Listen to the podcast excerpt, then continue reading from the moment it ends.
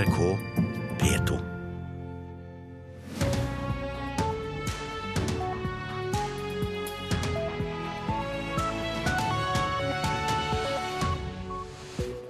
Her i Nyhetsmorgen skal vi snakke om krangling. Ferie betyr mer tid sammen, som igjen betyr flere konflikter. Og vi skal straks få råd av en psykolog. Britenes nye statsminister Teresa May blir sammenlignet med Tysklands forbundskansler Angela Merkel. Vår korrespondent i Berlin skal snart forklare hvorfor. Og den norske ordboken er reddet.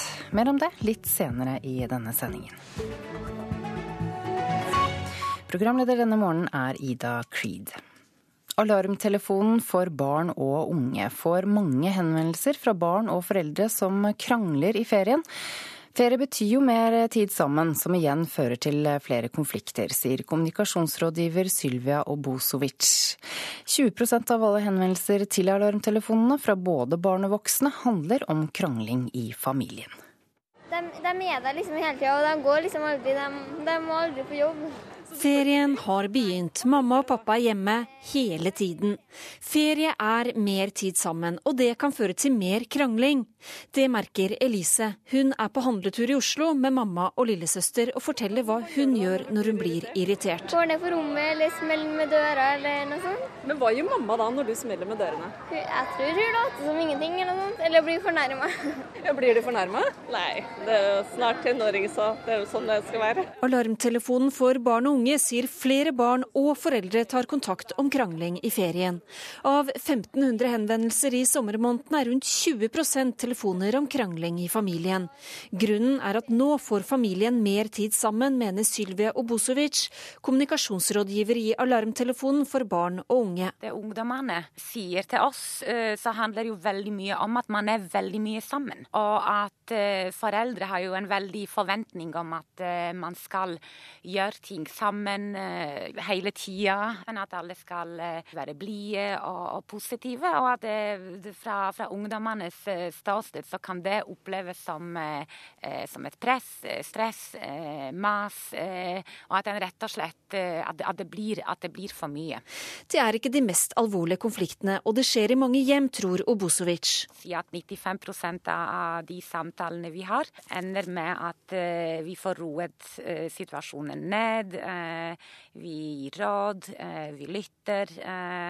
Og, og prøver da å, å, oppfordre både de unge og foreldre til å Eh, til å vise litt, eh, litt forståelse og, og, og fleksibilitet eh, overfor hverandre. Noe jeg ikke vil, da.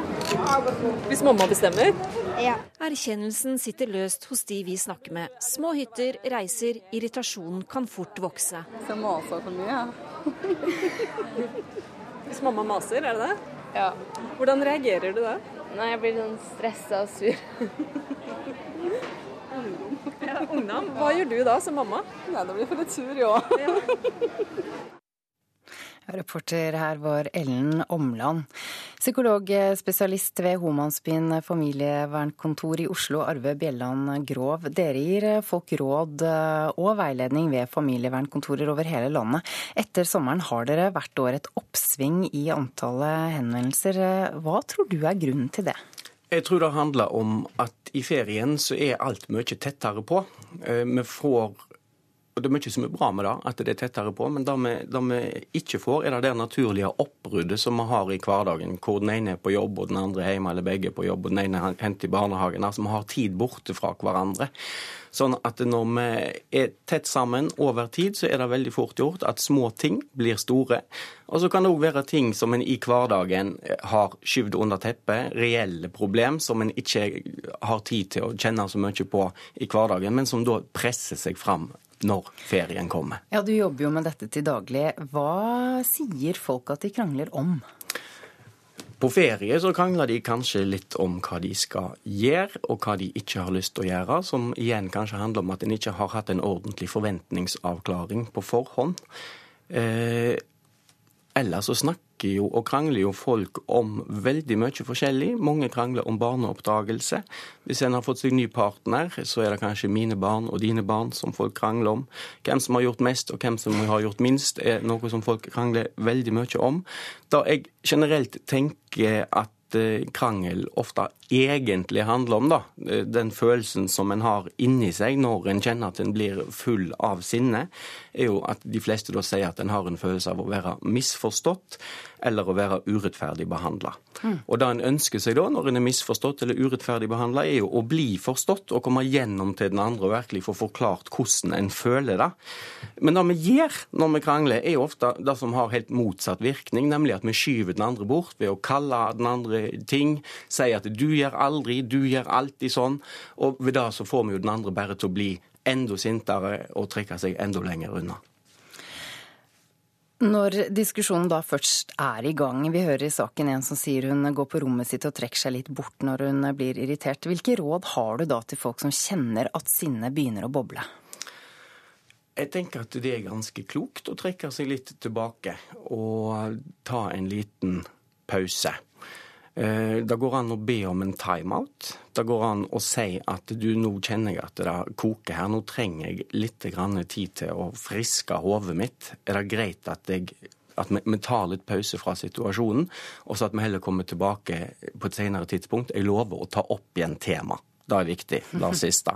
Og så tenker jeg også at Dette er noe det går an å snakke om på forhånd, før en reiser på den ferieturen. da. Du kan ikke vi gjøre det sånn at hvis vi havner i den løypa som vi av og til gjør, når ting går veldig fort, og jeg blir sånn og du blir sånn, at vi da har lov til å ta en timeout. Så får en et lite kart i en, i en uoversiktlig situasjon. Krangling eh, trenger jo ikke være mellom mor og far eller eh, foreldre og barn. Søskenkrangling er eh, noe de fleste også kjenner til. Når er det på tide å gripe inn der? Det er vanskelig å si.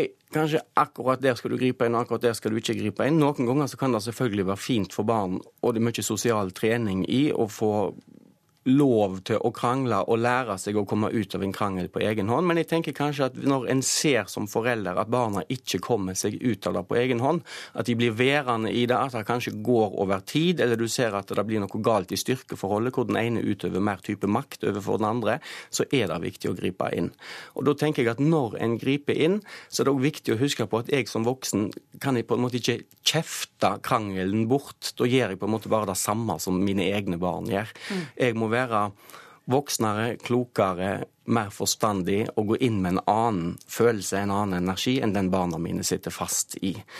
Det barn trenger når de krangler, er vel omtrent det samme som vi voksne trenger. De trenger å bli forstått, de mm. trenger å bli hørt, de opplever seg urettferdig behandla, og det er der jeg må gå inn. Jeg må bare spørre kort til slutt. Hvis man føler som forelder at man ikke fikser dette, hvor kan man få hjelp? Du kan komme til familievernkontoret. Vi er et gratis lavterskelstilbud. Eh, vi har kort ventetid. Alle er hjertelig velkommen til oss. Takk for at du kom hit til Nyhetsmorgen, psykologspesialist Arve Bjelland Grove. Er Nyhetsmorgen du hører på? Dette er hovedsaker i dag. Alarmtelefonen får mange henvendelser fra barn som krangler med foreldrene, som du akkurat hørte. Kina og Filippinene har lenge vært i konflikt i Sør-Kina-havet. I dag kommer dommen. Og språkforskermiljøet har funnet en ny eier til ordbøkene og de norske språksamlingene. I morgen får Storbritannia sin andre kvinnelige statsminister. Etter at David Cameron fremskyndet sin avgang og de konservative omsider klarte å bli enige om en leder, blir det Teresa May som i morgen flytter inn i Downing Street number 10. I am honoured and humbled to have been chosen by the Conservative Party to become its leader. Jeg er stolt og audmjuk over å ha blitt valgt til leder for det konservative partiet, sa Theresa May i går, og nevnte motkandidat Andrea Ledson og avtroppende statsminister David Cameron i rosende ordelag. For etter nervepirrende dager i det konservative partiet, der kandidatene har falt fra én etter én, ble det i går klart at det blir nåværende innenriksminister May som skal styre landet. Cameron annonserte etter at britene stemte for å forlate EU, at han ville gå av i september men han valgte å tre av allerede denne veka i stedet. Noe han ifølge han sjøl kunne gjøre med et lett hjerte, når han vet at landet er i gode hender.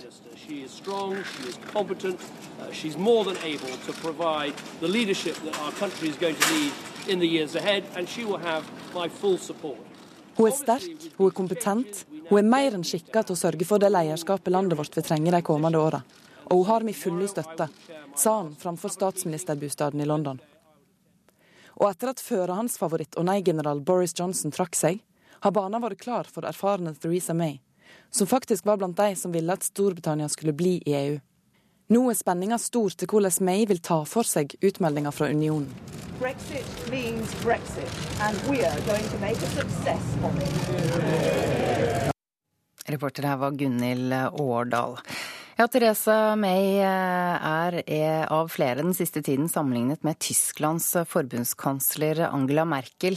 Guri Nordstrøm, korrespondent i Berlin. Hvilke likhetstrekk er det egentlig mellom de to? Det er flere ting. De er begge prestedøtre og har fått en kristen oppdragelse. Eh, kommer fra relativt normale kår. Ingen av dem har gått på dyre privatskoler f.eks., slik mange andre deres kollegaer og andre toppolitikere har. Eh, så er de kjent for å være pragmatikere som bygger allianser i det stille, men som samtidig ikke er redde for å si fra hva de mener. F.eks. da May sa at de konservative måtte slutte å være the nasty party, og da Merkel tok et klart standpunkt i migrantkrisa i fjor, så talte de altså begge midt imot uh, mot sine egne partier. Um, en annen ting at, uh, som blir sagt om de, er at de begge er grundige i det de gjør. Det er ikke nok for dem å bare surfe på overflaten, de vil også ha detaljene. Og så har heller ingen av dem egne barn. Det er også et fellestrekk som blir uh, trukket frem. Ja, May sa i går at hun skal sørge for at de får en god avtale med EU etter brexit. Hvordan skal hun klare det? Tyskerne her er i hvert fall veldig tydelige på at britene ikke bare kan drive med det som de her i Tyskland kaller for ras, rosinpikkerei. Altså at man bare plukker ut rosiner av bolla og kaster det man ikke vil ha. Her er man veldig tydelig på at en avtale er en avtale. Og Merkel sa i går kveld at de særlig er opptatt av at dersom man skal ha fri tilgang til det indre markedet i EU, så må man også godta de andre delene av EU-avtalen, og da særlig fri bevegelse av mennesker. Her kan man ikke bare velge ut som et koltproblema som passer en best. Men så er jo, Nå spørs det egentlig hvordan dette vil bli når det kommer til realpolitikken og og forhandlingene her. For tross alt så er det ikke heller bare lett for EU eller for Tyskland å bare støte britene fra seg. Eh, Storbritannia er f.eks. Tysklands tredje største handelspartner. Så det betyr jo at britene har også gode forhandlingskort eh, eh, når de da en gang skal begynne å snakke om hvordan dette her skal være fremover. Og når kan forhandlingene mellom EU og Storbritannia begynne? Nå venter man egentlig bare på at britene skal aktivere artikkel 50 i Lisboa-traktaten for å få til de forstandige offentlige, offisielle samtalene. Og det har vært veldig viktig for, eh, for alle lederne her i EU at ingen samtale begynner før det. Eh, det var også noe Merkel gjentok søndag kveld når hun hadde sitt årlige sommerferie, før sommerferien-intervju med TV-kanalen ZDF. Eh, så det er egentlig opp til britene når dette her eh, skal skje nå. Men nå kom jo statsministerskiftet i Storbritannia litt tidligere enn ventet. Så det betyr vel kanskje også at forhandlingene kan nå komme tidligere. Takk for at du var med oss, korrespondent i Berlin, Guri Nordstrøm. Kina og Filippinene har lenge vært i konflikt i Sør-Kina-havet, og i dag kommer voldgiftsdommen i Haag med en avgjørelse om denne konflikten. Asiaforsker ved Institutt for fredsforskning Prio Stein Tønneson, hva handler denne striden om egentlig? Filippinene har stilt 15 spørsmål til domstolen, og den er lovet å svare på halvparten, og kanskje resten også. Disse spørsmålene dreier seg ikke om hvem som eier småøyene i Sør-Kinahavet, heller ikke om hvor havgrensene skal gå, men det dreier seg om hvordan man skal fortolke havrettskonvensjonen, som både Kina og Filippinene har sluttet seg til. Hvordan skal man oppfatte det kartet som Kina bruker i Sør-Kina-havet, som tyder på at Kina gjør krav på nesten hele havet? Er det i strid med havrettskonvensjonen? Det er et første spørsmål. Hvilke rettigheter har alle småøyene og undervannsskjærene i Spratly-området? Noen av dem har Kina bemektiget seg. Hvor store soner kan de ha? Dette er sånne spørsmål som domstolen forhåpentligvis tar stilling til. Dette havområdet er viktig for mange, og USA er vel også veldig opptatt av denne striden. Men hvorfor er dette havområdet så spesielt viktig for kineserne? Kineserne oppfatter at geografien er urettferdig. For eh, et land som har mange øyer og lange kyster, får veldig store havområder. Men Kina har 1,4 milliarder innbyggere, og så er de liksom sperret inne av en masse land rundt seg. Korea, Japan, Taiwan, Filippinene, Malaysia, Vietnam. Fordi alle disse gjør krav på sin del av Gulehavet, Øst-Kinahavet og Sør-Kinahavet. Så for Kina så er det veldig viktig å kunne få mest mulig kontroll over sine tilgrensende havområder. Så går det an å si på forhånd hvordan Kina kommer til å reagere på denne dommen? Ja, Det kan vi si en del om. Vi vet i hvert fall at Kina ikke kommer til å rette seg etter kjennelsen. For Kina har nektet å delta i hele domstolsbehandlingen. Dette er en tvungen voldgift under havrettskonvensjonen som Filippinene har fått gjennomført. Vi kan også se at Kina ikke ignorerer det. De trekker ikke på skuldrene, for de har en enorm kampanje nå gående mot domstolen og kaller den nå i morges, så sa de det var en ren farse. Så Kina kommer altså ikke til å rette seg etter den. Men vi må håpe at det blir med det, og at det ikke kommer med store mottiltak. For da kan det bli en kritisk situasjon i Sør-Kina-havet. Men er det noen vits med en slik domstol, når man da på forhånd vet at en slik stormakt som Kina ikke kommer til å akseptere dommen? Ja, Dette en, vil bli en kjennelse som kan få stor betydning for både for havrettens generelle utvikling, fordi den kan klargjøre visse punkter i havrettskonvensjonen som er ganske vage eller udefinerte, særlig når det gjelder hva som er en øy som kan ha en økonomisk sone. Og Dessuten så vil det kunne ha stor betydning i fremtiden hvis eh, de forskjellige landene rundt Sør-Kinahavet bestemmer seg for å løse konflikten seg imellom. For da vil denne kjennelsen helt sikkert komme til å inngå som et viktig premiss. Det kinesiske kommunistpartiets organ Folkets Dagblad hevder i dag at Kina er offeret i konflikten i Sør-Kina-havet, og beskylder USA for å bruke konflikten til å fremme sine egne interesser. Stemmer det? USA er eh, alliert med Filippinene, og eh, det er helt klart at USA er begeistret for denne havrettskonvensjonen, like begeistret som Kina er misfornøyd. Mm. Men det er egentlig også litt paradoksalt at eh, den amerikanske advokaten Paul Reichler, som fører saken for Filippinene, han førte en sak for Nicaragua mot USA på 80-tallet, hvor domstolene har dømte USA til å betale en stor erstatning til Nicaragua fordi de hadde støttet såkalte Contras. Den gangen rettet ikke USA seg etter dommen og unnlot å følge den, akkurat sånn som Kina kommer til å gjøre nå. Det er interessant. Men hva har denne saken da å si for Kinas konflikt med USA? Eh, den kan tilspisse seg, spesielt hvis Kina går til mottiltak, som f.eks. å bygge nye anlegg på Scarborough Shoal, som det heter, eller Scarborough eh, som ikke er i Spratly-gruppa, men ligger litt lenger nord, som Kina tok fra Filippinene for et par år siden. Hvis de gjør det, så kan det føre til amerikanske mottiltak sammen med Filippinene, og da kan vi få en farlig situasjon. Ja, hva kommer Filippinene til å gjøre?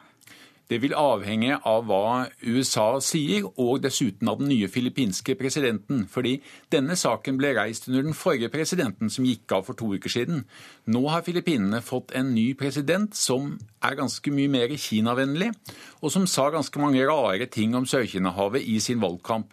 F.eks. at han ville stå på jetski inntil en omstridt øy med et filippinsk flagg for å plante det. Ja, Han har sagt mye rart. Men kan denne kjennelsen ha noe å si for Norge? Ja, det, Dette har stor betydning for Norge. Norsk skipsfart eh, går gjennom Sør-Kina-havet hver eneste dag. Det er en av verdens viktigste ferdselsruter. Eh, de norske skipsbesetningene er jo i stor grad filippinere et norsk skip som ble utleid til Vietnam for å gjøre undersøkelser av havbunnen, seismikk, den fikk kuttet kabelen sin av et kinesisk fartøy for noen år siden. Og Dessuten så må vi jo si allment at det er av meget stor betydning for Norge, Nato og Europa at ikke USA blir blandet inn i krigshandlinger i det området. Mm. Takk for at du kom og fortalte oss om alt dette, Asiaforsker ved Institutt for fredsforskning, Prio Stein Tønneson. Nå skal det handle om eh, Tour de France, for i dag kan det bli en norsk jubeldag. Både Tour-debutant eh, Vegard Breen og Edvald Boasson Hagen lover å prøve å stikke fra hovedfeltet i dagens etappe. Breen mener dagens etappe gjør det mulig å holde avstanden til hovedfeltet helt til mål. Det går, det går alltid en gruppe, og så får vi se om man går til mål eller ikke, og om jeg er inn. Det er, eh, det er ting som ikke jeg kan forutsi nå, eller eh, få styrt, eh, få styrt så mye der ute. Men vi får prøve. Det lover Vegard Breen. Rytterne skal først over en tøff stigning, før resten av etappen er relativt flat. Det tror Breen at øker sannsynligheten for at et brudd kan få gå hele veien til mål. Hadde jeg sjøl vært en klatrer, hadde jeg spart meg til andre etapper. Og da øyner jeg Det er derfor jeg vinner muligheten. Og så tror jeg det kanskje er litt langt for spurterne å å, kjøre i ettertid for å eventuelt hente et brudd, for de kommer ikke til å klare å kontrollere opp den første bakken. En av fordelene til Breen på dagens etappe er at han har syklet bakken rytterne skal gjennom, flere ganger tidligere. Jeg har sykla alle bakkene som er i Andorra, så jeg kjenner veiene her ganske godt. Jeg gjør det. Det er jo en tøff bakke, så jeg vet ikke om det er en fordel å vite om det på forhånd eller ikke. Men eh, jeg veit nå hvor de bratteste partiene er, og hvor, eh, hvor det gjelder å og bite litt ekstra for å komme seg med. Også Edvald Boasson Hagen ønsker å gå i brudd i dag. En tøff start, ellers er det en avslutning som kan passe meg OK, tror jeg. Og, uh, så jeg går fullt for den, men uh, vi må se om Cavendish er med på slutten. Det blir ikke sånn at jeg vil slippe meg tilbake for å hjelpe han, men er han der, så vil vi jo kjøre foran på slutten. Men det er jo ting vi må se underveis. Boasson Hagen er normalt sterkere enn Breen, men debutanten syns bare det er positivt med besøk fra sin norske kollega i et eventuelt brudd. Jeg tror, jeg eh, tror det er mange flere enn bare Edvald som vil melde seg på, så da, da er det bare fint å ha noen, noen man kjenner der framme. Ja, Den tiende etappen av Tour de France kan du følge på radio på DAB-kanalen vår NRK Sport fra klokken 14. Reporter var Halvor Ekeland. Dette fokuserer avisene på i dag. Svarte i USA blir utsatt for maktbruk tre ganger så ofte som hvite, viser en ny amerikansk undersøkelse som Aftenposten skriver om i dag. Aftenposten har snakket med folk i New York som sier de ikke lenger stoler på politiet. Dagsavisens spaltist skulle dekke femårsjubileet til verdens yngste stat, Sør-Sudan, men nå har det igjen brutt ut full krig mellom styrkene til landets to øverste ledere. Den eh, norske journalisten forteller at hun hører lyden av kamphelikoptre, artilleriild og maskingevær, og folk i Juba frykter at verdenssamfunnet overlater dem til krigsherrene, sier hun. Slik kan du gjøre barna dine arveløse, skriver Dagbladet i dag. Avisen har snakket med et par som har laget en ektepakt der de sikrer hverandre gjensidig når den ene dør. Ektefellen arver dermed mer på bekostning av særkullsbarna. VG skriver om det de mener er en helbom av Frp. Det handler om at eh, Frp, som gikk til valg på å kutte i bompenger, krever inn mer bompenger enn noen gang. Ingen samferdselsminister har eh, samlet inn så mye bompenger som FrPs Ketil Solvik-Olsen, skriver avisen. Men eh, bompengeinnkrevingen er ikke nødvendigvis en direkte konsekvens av hvilke partier som styrer, sier Stortingets utredningsseksjon i avisen i dag. Klassekampen skriver om norske redere som går utenlands. Norske redere bygger nå flere skip i Sør-Korea og Kina enn i Norge. På to år har andelen norskproduserte skip falt med to tredeler. Vårt Land skriver at regjeringen ligger bakpå når det gjelder tvangsreturer. Så langt i år har politiet tvangsreturnert 3880 personer uten lovlig opphold.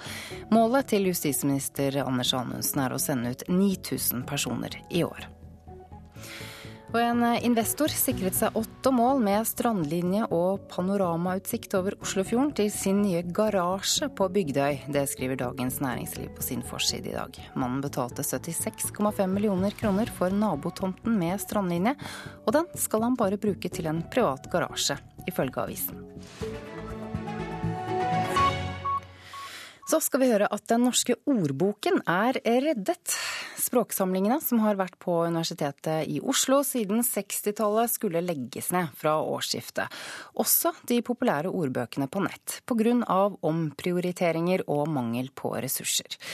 Men nå er eh, prosessen i full gang med å overføre alt til Universitetet i Bergen. Og sammen med Høgskolen i Volda skal de ta over arbeidet med å passe på det norske språket. Å legge dem ned ville ikke tjent noen, mener forskermiljøet. Det vil være som å stenge E18 og si at nå vil ikke vi bruke den veien der. Det sier Ottar Grepstad, leder i Nynorsk kultursentrum etter at Universitetet i Oslo i 2014 sa de ville gi fra seg arbeidet med språksamlingene, engasjerte han seg sterkt for å holde materialet til universitetsmiljøet. Det er så selvsagt at eh, et eh, framstående akademisk miljø i Norge må arbeide med det som er grunnlaget for å være nordmenn, nemlig det norske språket. Nynorsk kultursentrum og ei ordbokgruppe fra ulike universitetsmiljø gikk inn for å finne alternativ, og i november i fjor ble det avgjort at Universitetet i Bergen skulle ta over. Johan Myking er faglig ansvarlig på Institutt for lingvistiske, litterære og estetiske studier, og har fulgt prosessen. Nei, de, de, som har eh, organisert flyttinga fra vår side, de har vel grovregna seg fram til ca. 70 tonn materiale alt i alt 15 eh, trailerlass pluss en henger, særlig 16 lass. For folk flest er nok det mest synlige materialet fra språksamlingene Bokmålsordboka og Nynorskordboka på nett, der det blir gjort 80 eh, millioner oppslag i løpet av året, med en besøkstopp på 330 000 per ordbok i løpet av en hard eksamensdag i juni i år. Dette alene er argument nok for å holde den levende, mener Myking det er det som samfunnet har eh, mest bruk for. Alt fra journalister via skoleelever til folk flest. Uten nedetid og uten stans. Det er den, aller viktigste oppgaven som eh, ligger i dette oppdraget.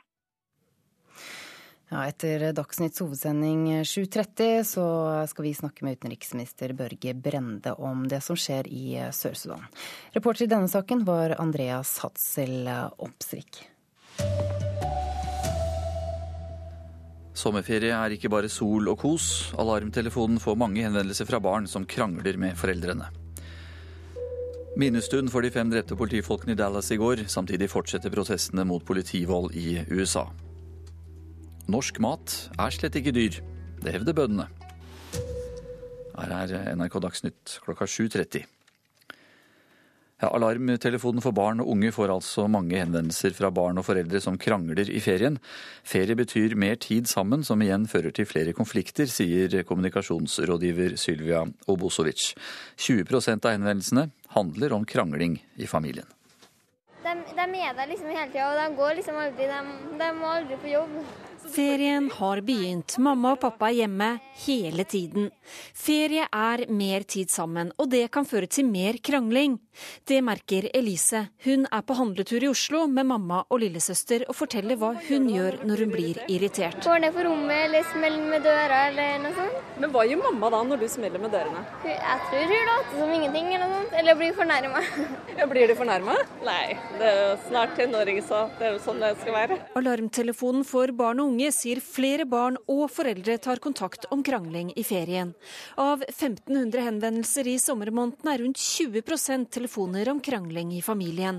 Grunnen er at nå får familien mer tid sammen, mener Sylvia Obosovic, kommunikasjonsrådgiver i Alarmtelefonen for barn og unge. Så handler det jo veldig mye om at man er veldig mye sammen. Og at uh, foreldre har jo en veldig forventning om at uh, man skal gjøre ting sammen uh, hele tida. Men at alle skal eh, være blide og, positive, at det blir for mye.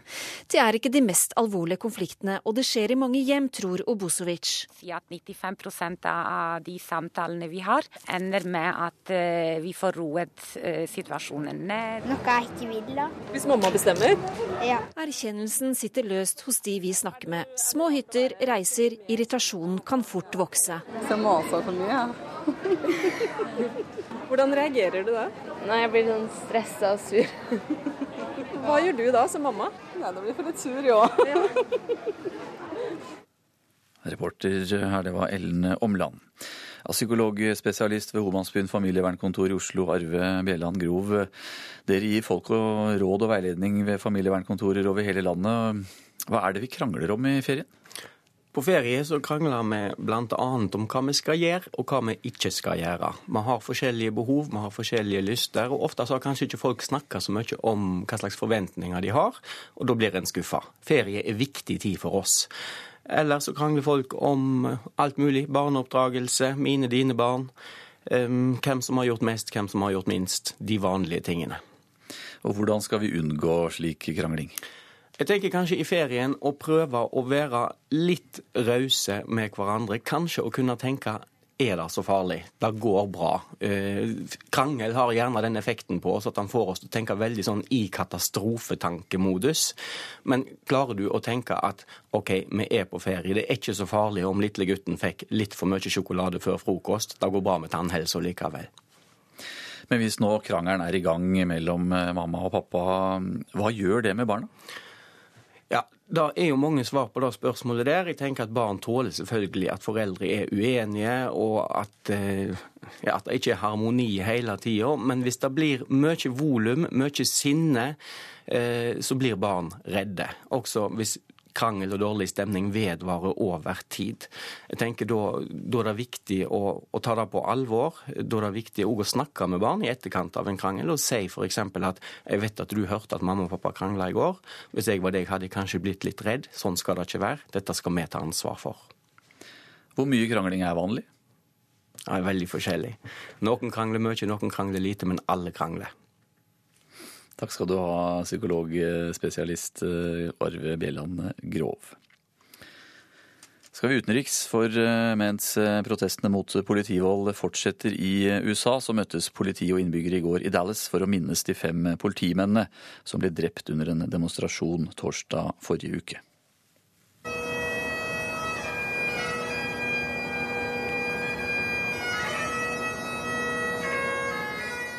Sekkepiper akkompagnert av tusenvis av stearinlys utenfor politihuset i Dallas i den varme julikvelden.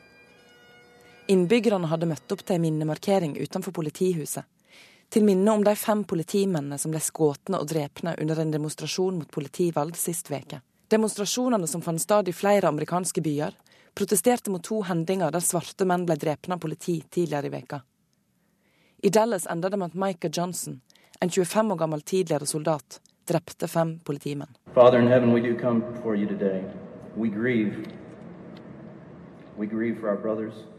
La oss be.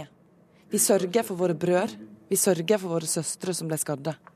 Men mest av alt vil vi at disse familiene, mine brødre i blått, mine søstre i blått, innbyggerne i denne byen, skal kjenne kjærleik på en måte som gir oss lindring, i ei tid der vi trenger det som mest, sa politipresten. President Obama, som i dag besøker Dallas, har uttalt at slike hendinger skader saka til aktivistene i den såkalte Black Lives Matter-rørsla, som kjemper mot rasediskriminering. Rørsla har tatt sterk avstand fra det som skjedde torsdag. Sa reporter Gunhild Årdal. Norsk mat har fått et ufortjent dårlig rykte for å koste for mye. Det hevder Norsk landbrukssamvirke. Ifølge en undersøkelse gjort for organisasjonen, så må nordmenn jobbe i snaut halvannen time for å tjene nok penger, 413 kroner, få mat til én person i én uke. Folk i matbutikken i Oslo tror ikke det er nok. Nei, det er helt urealistisk. Ikke for meg i hvert fall, men det kommer nok litt an på personen men jeg bruker mye mer enn det. kan det være, men det blir vel ikke det mest spennende utvalget, kanskje. Likevel viser en fersk undersøkelse gjennomført av Sinito for Norsk landbrukssamvirke at nordmenn tror de må jobbe flere timer enn det de egentlig må for maten. Mat i Norge er altså billigere enn folk flest tror, forteller Ola Hedstein, administrerende direktør i Norsk landbrukssamvirke. Den eh, viser jo at de da jobber jo faktisk bare 1 time og 25 minutter. Og det har jo gått ned i alle år. Så i 84 så var det 4 timer og 30 minutter, og nå er det 1 time og 25 minutter som de bruker på å jobbe inn inntekt til en ukes forbruk. Håkon Rikels, samfunnsøkonom i tankesmien Civita, er kritisk til undersøkelsen. Det er fordi nordmenn er rike. Vi har veldig god råd, og da blir inntekten høy. Eh, men det er ikke alle som har så høy inntekt. Eh, en del personer som har lav inntekt, eh, spesielt lav in hvis de har lav inntekt og flere barn å forsørge på den inntekten, så kan mat være en stor utgift. Så det er det andre tingen, er at når man da ser på gjennomsnittsinntekten på et litt kunstig lavt matbudsjett, så går man glipp av det faktum at for mange eh, som har dårlig råd, så kan situasjonen se veldig annerledes ut. At de faktisk må bruke en ganske stor andel av budsjettet sitt på mat. Reporter her, det var Kaja Staude Michaelsen. Så sykkel. Vegard Breen satser på å stikke fra feltet i dagens etappe i Tour de France. 26-åringen håper at en utbrytergruppe kan holde avstanden til hovedfeltet hele veien til mål. Det går, det går alltid en gruppe. og så får vi se om man går til mål eller ikke, og om jeg er inn. Det er, det er ting som ikke jeg kan forutsi nå, eller få styrt, få styrt så mye der ute. Men eh, vi får prøve. Det lover Vegard Breen. Rytterne skal først over en tøff stigning, før resten av etappen er relativt flat. Det tror Breen at øker sannsynligheten for at et brudd kan få gå hele veien til mål. Hadde jeg sjøl vært en klatrer, hadde jeg spart meg til eh, andre etapper. Og da øyner jeg Det er derfor jeg øyner muligheten. Og så tror jeg det kanskje er litt langt for eh, spurterne å, å kjøre i ettertid for å eventuelt hente et brudd, for de kommer ikke til å klare å kontrollere opp den første bakken. Også Edvald Boasson Hagen ønsker å gå i brudd i dag. Normalt er han sterkere enn Breen. Det kan gjøre at debutanten kan gå litt under radaren hos andre ryttere i bruddet. Jeg, jeg, håper det. Det kommer helt an på hvor stor gruppa er. Jo større gruppa er, jo lettere, lettere er det å, å, gjøre det. Og Den uh, tiende etappen av uh, Tour de France kan du følge på unnskyld, DAB-kanalen uh, NRK Sport fra klokka 14 i dag. Reporter her, det var Halvor Ekeland. I remember when we broke up time Saying this is it, I've had enough Cause like we hadn't seen each other in a month When you said you needed space What? Ja, det vi hører her, det er eh, Taylor Swift. Popstjernen håvet inn over 1,4 milliarder kroner det siste året. Noe som gjør 26-åringen eh, til verdens best betalte kjendis, ifølge tidsskriftet Forbes. Popstjernens inntekt fra juni 2015 til juni i år er den høyeste så langt i hennes karriere, og hun slår dermed artister som Adele og Bruce Springsteen når det kommer til inntekt. Ansvarlig for Dagsnytt i dag, Bjørn Christian Jacobsen. Jeg heter Anders Borgen Werring.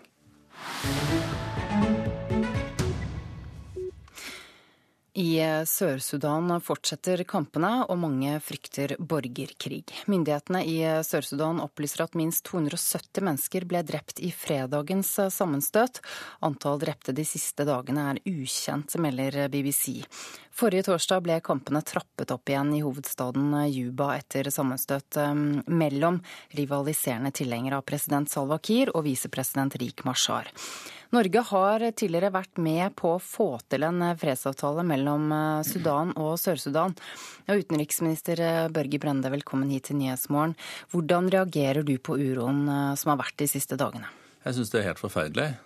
Ikke minst tatt i betraktning at Sør-Sudan har alle muligheter til å lykkes. Det er et land med vann, det er et land som kan øke landbruksproduksjonen sin. De har ressurser, ikke minst olje hvor de kunne investert eh, i folket sitt. Og i stedet for dette så har maktbegjæret til disse to lederne, Riek Machar og Salwa Kiir, ført til at de ulike etniske grupperingene som de representerer, har braka sammen. og eh, Hundrevis har blitt drept de siste dagene, men det er jo millioner på flukt i Sør-Sudan, og halvparten av befolkninga trenger daglig humanitær hjelp. Men hva slags mulighet har egentlig det internasjonale samfunnet til å gjøre noe med denne situasjonen? Det er et godt spørsmål. Hvis lederne sjøl ikke vil fred, eh, så må man jo gå til ganske alvorlige midler for å stoppe en eh, konflikt. Nabolandene og de omkringliggende landene eh, som er med i denne organisasjonen som heter IGAD, Uganda, Kenya, Etiopia, de stiller nå ganske sterke krav til Sør-Sudan. Og Tidligere så har man jo sett at de har vært villige til å sende inn sine soldater for å stoppe stoppe at dette utvikler seg til en full borgerkrig. Ehm, vi får se nå om appellene fra Rek Machar og Salwa Kiir til sine soldater om at de skal besinne seg, at de skal etterleve våpenhvilen, om de hører etter hva lederne sier, at de har kontroll på troppene sine. Og så må det være full etterlevelse i dagene fremover et, ehm, når det gjelder den fredsavtalen som ble inngått eh, i fjor. Ja, dere har sendt diplomaten Jens Petter Kjemperud til området. Hva håper dere han kan få til? Sammen med den amerikanske utsendingen og den britiske så utgjør vi den såkalte troikaen, som gir støtte til nabolandene når de jobber opp mot ledelsen inne i eh, Juba. Vi mener at eh, vi kan bidra til å øke trykket. Vi kan også nå slå fast at vi støtter FNs generalsekretær Ban Ki-moon, eh, som vil ha en våpenembargo mot Sør-Sudan. Vi sier også klart ifra at hvis man ikke tar ansvar, så kan disse nå bli stilt for Den internasjonale straffedomstolen og gjort ansvarlig for sine handlinger og sanksjoner mot disse lederne. Men først og fremst så er vi nå avhengig av at man etterlever den fredsavtalen som er inngått. Norge er jo utpekt som fødselshjelper til denne nye nasjonen Sør-Sudan, og ga i fjor 472 millioner kroner til arbeidet. Men knapt noen jobber med dette i UD. Så vidt NRK vet, det som kalles Sør-Sudan-desken står tom. Hvordan harmonerer dette med vårt engasjement? Ja, Hadde jo det vært riktig, så hadde det vært et problem. Eh, nå har vi akkurat sendt vår spesialutsending ned. Men er det eh, flere enn han som jobber med dette nå? Ja, Vi har jo også en stor ambassade faktisk eh, i Juba. En ting er jo de som jobber i Utenriksdepartementet med dette, og det er jo en hel seksjon, en Afrikaseksjon.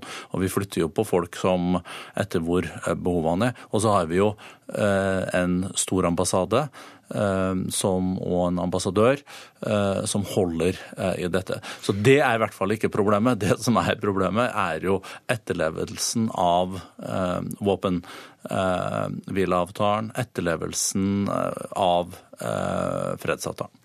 Takk for at du kom hit, utenriksminister Børge Brende.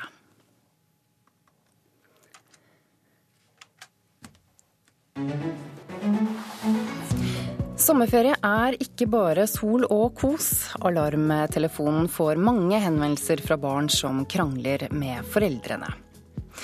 Minnestund for de fem drepte politifolkene i Dallas i går. Eh, samtidig fortsetter protestene mot politivold i USA.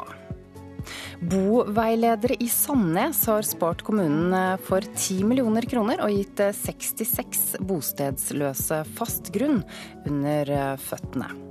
Og norsk mat er slett ikke dyr, hevder eh, bøndene. Dette er hovedsakene denne morgenen. Flere stortingspolitikere fra Høyre, Venstre og Fremskrittspartiet støtter ungdomspartilederne som tar til orde for å vrake sexkjøpsloven. Det skriver Aftenposten i dag. Hvis du fjerner hallikparagrafen, er det f.eks. mulig å organisere seg. Man kan ha et kollektiv eh, hvor man da kan passe på hverandre. Eh, hvis det kommer voldelige kunder, man noen, kan man ringe til noen. Hvis man i dag har noen som lover å passe på, eh, noen som selger sex, så er de halliker. Eh, ja, nå beskrev du et bordell. Ja. ja du, men du får det jo til å høres ut som eh, SFO. Leder i Unge Venstre, Tord Hustveit, møtte leder av Rød Ungdom, Linn Elise Øen Mælen, til debatt i Dagsnytt 18 i går. Han vil fjerne sexkjøploven. Nei, er, Poenget er dette her er ikke en god bransje. Men lovgivningen gjør det enda verre. Veldig mange av de som selger sex, er jo utsatt for menneskehandel eller eh, migrasjonsrelatert prostitusjon. Unge Venstre er ikke alene, og vil sammen med Unge Høyre og Fremskrittspartiets Ungdom presse regjeringa til å fjerne sexkjøploven. Et omstridt tema, men nå får ungdomspartiene støtte fra moderpartiene. Det melder Aftenposten. Tina Bru i Høyre sier at de har et programvedtak om at forbudet mot kjøp av sex skal vekk. Frp ønsker òg en snarlig endring i sexkjøpsloven. Det sier leder i helsekomiteen, Kari Kjønaas Kjos. Ja, vi har jo eh, programfestet det og var imot loven når den ble innført, så da er det naturlig når vi har en mulighet til å reversere den, at vi gjør det. Venstre er utålmodige, og stortingsrepresentant Kjetil Kjenseth sier det ikke er umulig at regjeringa legger fram et forslag om lovendring før stortingsvalget. Reporter Ola Solheim. Så skal vi høre at leder i Fellesforbundet, Jørn Eggum, tror på en lys fremtid for norsk industri, selv om han frykter at det blir tøffere tider til høsten. Nyhetsmorgen har tatt Eggum med til gangbroen over togskinnene på Oslo S. Derfra er det utsikt til hotellet, der han forhandlet frem sin første industriavtale som leder i LO-organisasjonen. Og endelig komme i mål var en god følelse, sier han. Søndag ut litt utpå dagen, så vi var 12-13 timer på, på overtid. sto du sammen med sluggeren eh, Stein Lier Hansen, som har vært i dette gamet lenge, mens du eh, som leder er ferskere. Hva, mm, hvordan hadde du det da? Nei, Det var litt som et kinderegg, egentlig. Det var befriende å, å, være ferdig og i mål. Samtidig så var det en glede at vi hadde oppnådd eh, gode resultater for medlemmene våre. Og for det tredje var at jeg, jeg hadde levert, jeg hadde bestått prøven sjøl. Ja, kunne du som ferskleder ha gått i konflikt der? Ja, altså Hadde det vært nødvendig, så er Fellesforbundet alltid beredt til å ta en arbeidskonflikt. Dette året her så var ikke det nødvendig. Her hadde vi eh, to løsningsvillige parter, samt at vi hadde en veldig forberedt og god riksmeglingsmann i Nils Dalseide. Tenkte du at ditt, de økonomiske forholdene i år var sånn at du kunne ikke gi dine medlemmer et fett økonomisk opplegg? Det viktigste kravet for oss i år, det var jo eh, pensjonsspørsmålet. Og Det var jo også et prinsipielt krav, så det visste vi ville bli, bli vanskelig å, å, å, innfri. Når det gjelder økonomien i dette, så eh, er det sånn at eh, tar man ikke ut tillegg lokalt fordi det ikke er, det er grunnlag for det, ja, så blir jo det selvsagt mye, mye mindre sentralt også. Det står i, i forhold. Men så var vi enige om i år at den økonomien vi skulle ta ut, det var å få løfte de som over lengre tid hadde blitt eh, stående utenfor den lønnsutviklingen som resten av samfunnet har hatt. Så vi løftet jentene og guttene våre inn på tekstil- eh, eh, og tekoindustrien på, på industrioverenskomsten. Og det, det er jeg veldig godt fornøyd med.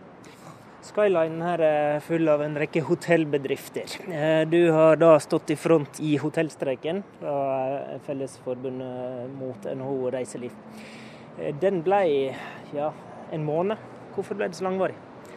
Nei, Det er sikkert mange årsaker til at han eh, ble langvarig. Men det er ikke tvil om at når du har prinsipielle spørsmål i et oppgjør, så tar det lengre tid å få bearbeidet og, og tilpasset, sånn at det er mulig å innfri disse. Vi... Og de prinsippene du tenker på da? Nei, altså Vi stilte jo krav om å, å få, på lik linje som alle andre som har minstelønnsoverenskomster, at vi får for reell lokal forhandlingsrett på den enkelte bedrift. Og Det var NHO Reiseliv med sine medlemsbedrifter svært lite villig til, til å innfri. Så at vi trengte nok den tiden for at dette her skulle bli Altså selve kravet, hvordan dette skal virke ute i bedriftene, og hvordan du skal bruke kriteriene som ligger til grunn for, for forhandlinger. For å gjøre det, ufarliggjøre det, så trengte vi nok tid. Samtidig så, så vi at det var stor uenighet mellom, mellom hotellkjeder og enkeltstående hoteller. Noen kunne innfri dette nesten over bordet, mens andre ville ikke se dette. Så det dro nok eh, ut i tid eh, av den årsak. Samtidig så vil jeg si det at har, vi har lav organisasjonsgrad på dette området. Det gjorde jo sånn at noen fikk holde eh, virksomheten sin oppe, åpen og gikk som normalt, i hvert fall tilnærmet normalt, og andre måtte stenge. Så det gjorde det at vi hadde ikke den kraften til å kunne få avgjort dette her tidligere med at vi hadde fått stengt ned alle hotell og restaurantene. Eh, ja, dere, dere kunne ikke fått uh, få en så omfattende streik at den løste seg raskt? Nei, altså det tror jeg nok det òg er medvirkende til at det dro, dro eh, ut, ut, i tid. Men dette her er jo på mange måter eh, for folk som føler sånn passe med, litt sånn snudd på hodet. Dere vil ha lokal forhandlingsrett på hotellene arbeidsgiverne er mot. I en del andre saker så, så er jo rollene annerledes når fagforeningene og arbeidsgivere møter hverandre. Hvorfor er det sånn her? Nei, altså da må du se, se litt sånn annerledes på det. Altså Hotell og restaurant det er noe som skjer i privat næringsliv. Og privat næringsliv, der har vi hatt det gjennom 100 år på industrisiden lokale forhandlinger. Det betyr det at du skal få mulighet til å forhandle på den verdiskapningen du sjøl har vært med oss å skape året før. Så gjør det at det skal lønne seg å være produktiv, det skal lønne seg å ha de gode løsningene, det skal lønne seg å ha et godt partssamarbeid på bedriften for alle parter. Og så har du de som ønsker mest mulig sentralt. Det er stort sett i statlig og offentlig sektor. Eh, man ønsker å fordele dette her fra sentralt for å se de behovene som er, er rundt i de forskjellige tjenesteområdene i staten og kommunene. Så I private næringsliv så har ikke dette her vært normalt å ønske det sentralt. Det er bare NO Reiseliv og hotell som har ønsket, ønsket dette. Eh, her vi står nå, det er et av områdene i, i byen, eh, i hovedstaden som har forandra seg ekstremt. Industrien forsvinner ut, og så popper det opp eh, næringsbygg og kontorbygg og restauranter og hotell. Hvordan ser du på utviklinga i Norge av liksom, industrinasjonen Norge? Nei, altså Jeg er positiv til den utviklingen. Vi ser, men nå, nå står vi i Oslo, der er det veldig lite industri, som du sier, der er det mer administrasjon og, og servicesektoren. Men for industrien sin del, tar du Norge under ett, så er det en positiv utvikling. Vi ser det at mer og mer flagges hjem av eh, industriprodukter som har vært eh, outsourcet tidligere, fordi at vi har høy kompetanse blant fagarbeiderne våre. Vi har hatt investeringsvilje blant arbeidsgiverne som gjør det at eh, vi har fått mer robotisering. Vi, vi, vi jobber smartere. Og vi får produktene fram til, til, de som ønsker å kjøpe våre produkter, til en pris og en kvalitet som er ønskelig på verdensnivå. Så du tror på en framtid for oss som industrinasjon? Ja, altså veldig mye av utfordringen for oss er at vi har vært så tungt oljesmurt på industrien. Altså, hvis det skulle vedvare med, med, med, lav oljepris, så gjør det at risikoviljen til å investere ikke er så stor som den har vært nå. Eh, så kan det bli på, på kort sikt være noen noen barrierer som, som, er utfordrende. Det går på at hvor mye skal vi nedskalle eh, før man kommer opp igjen. Det betyr klarer vi å beholde den kompetansen som er, som er, helt avgjørende for å ha verdens beste industriarbeidere. Det er det ene. Det andre er det at eh, klarer vi dette samspillet som, eh, mellom politikk og det faglige. Hvor trengs det mer politikk og politisk styring? da? Nei, vi trenger, eh, vi trenger, en politikk som står opp for, for at vi skal løse oppgavene i, i, fellesskap.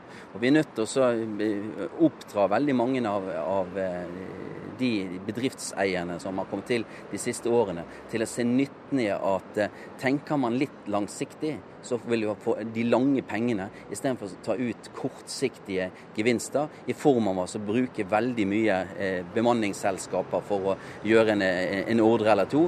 Men altså hvis du investerer i de menneskene du har ansatt, ja, så er jeg overbevist om at eh, har du en politikk som bygger opp under det, ja, så vil vi få fortsatt ha verdens beste industriarbeidere. Og vi er både innovative og vi er klare til å møte fremtidens utfordringer på en skikkelig måte. Bildet ditt i landet er litt ulikt. Hvordan tror du det blir med arbeidsløse, særlig i industrien, da, eh, når vi er ferdig med ferien og begynner med høsten? Altså, det, det, er jo sånn at vi har eh, desidert mest eh, medlemmer i Fellesforbundet på, i de, altså på industrisiden i Møre og Romsdal, Hordaland, Rogaland og, og Agder-fylkene. Altså Det vestlandsbeltet der, de er de som er mest utsatt. For de har vært veldig eh, avhengige av, av, eh, å få arbeid tilknyttet til olje- og gassvirksomheten. Så der er vel det der jeg er mest sånn eh, bekymret for hvordan dette her vil, vil gå framover. Samtidig så ser vi det at de, de har godt med arbeid på Innlandet, Raufoss og Kongsberg og opp i Nordland og, og Nord-Trøndelag. Så, så, det er litt sånn, sånn delt, dette her. Men det er ikke tvil om at det er Vestlandet som har de største, største utfordringene med, med, sysselsetting. Du tror det kan være tøft også i høst? Ja, jeg tror at 2016 er et år hvor det, hvor det er tøft, ja. Det var reporter Håvard Grønli som hadde intervjuet Jørn Eggum. For halvannet år siden manglet 97 familier og enslige i Sandnes i Rogaland et sted å bo. Det gjorde kommunen til en versting på landsstatistikken. I dag er køen krympet til 31, og kommunen har spart 10 millioner kroner i utgifter til midlertidige boliger. Løsningen har vært støtte fra Fylkesmannen til to faste ansatte, som kalles boveiledere hos Nav. Sandnes kommune var jo en av de kommunene i Norge som hadde størst utfordring på midlertidig overnatting. Og Nav-kontoret har ansvar for det, og vi så at vi måtte kunne hjelpe disse brukerne på en annen måte enn det vi hadde gjort til nå. Sier avdelingsdirektør i Nav Sandnes, Ågot Vatnedal. Derfor søkte de, og fikk, prosjektmidler fra Fylkesmannen til å ansette to boveiledere. Deres oppgave er å få folk fra midlertidig bolig og over i det ordinære leiemarkedet. De jobber omtrent som når Nav-ansatte formidler jobber, først med å kartlegge brukerens behov. Og Så er det jo hva de kan gjøre sjøl, og hva er det de tenker vi kan hjelpe dem med i boligjakten. Det som vi bruker gjerne mest tid på, det er jo gjerne å være med på visninger, og eh, samtidig snakke med utleierne på forhånd. Så går dere til huseieren og sier at 'jeg har en flott kandidat til deg'. Det gjør vi. Vi driver og matcher utleiere og boligsøkere. I løpet av halvannet år er køen av familier og enslige uten et fast sted å bo redusert fra 97 til 31. Blant dem som er hjulpet, er familier med til sammen 40 barn. Kommunen har spart netto 10 millioner kroner i utgifter til midlertidige boliger, og mange mennesker har fått en ny start i livet. Bolig er et basisbehov som vi har. Det å ha et trygt, sted å bo, det er kjempeviktig for oss. Og da får en gjerne òg til å komme i jobb, eller starte på skole, eller òg gjerne få en tryggere familiesituasjon. Jeg vil si at det har betydd veldig mye. Sier Sigurd André Rønne. Han flytta fra midlertidig bolig til fast leilighet i april måned. Idet jeg fikk meg en bolig og har fått satt meg til rette i boligen, så har hverdagen har blitt mer positiv. Det er sånn jeg har fått uh, initiativ til å komme meg ut i jobb òg. Reporter her var Marianne Terjesen. Og her er værvarselet som gjelder for det neste døgnet. I Sør-Norge blir det ustabilt vær med regnbyger og perioder med sol. Østafjells får også lokalt torden. Rolige vindforhold, men kysten av Rogaland får nordvestlig liten kuling, mens kysten fra Sørlandet opp til svenskegrensen får sørvestlig opp til liten kuling. Det ventes ingen store temperaturendringer i Sør-Norge. Nordland og Troms får nordlig eller skiftende bris. Mye pent vær, men litt mer skyet på Helgeland. Samt lokale tåkeskyer på kysten av Troms. Utover dagen blir det enkelte regnbyger i indre strøk, lokalt med torden. Det ventes stigende temperatur nord for Saltfjellet, ellers uendret. Finnmark får østlig vind, dreiende nordlig. Utover dagen kommer det inn litt regn som brer seg vestover mot kvelden også i Vest-Finnmark. Det ventes lavere temperatur utover dagen, først i øst. Spitsbergen får østlig liten kuling utsatte steder, perioder med regn og uendret temperatur. Og så tar vi noen temperaturer målt klokken sju i dag morges. Da hadde Svalbard lufthavn 11 grader, Kirkenes 14, Vardø 11, Alta 17, Tromsø-Langnes 12 grader, Bodø 17, Brønnøysund 20 grader. Trondheim-Værnes 13 grader, Molde 14, Bergen-Flesland 15 grader, Stavanger 14 grader, Kristiansand-Kjevik 15 grader, Gardermoen 14, Lillehammer 13, Røros 11 og Oslo 15 grader.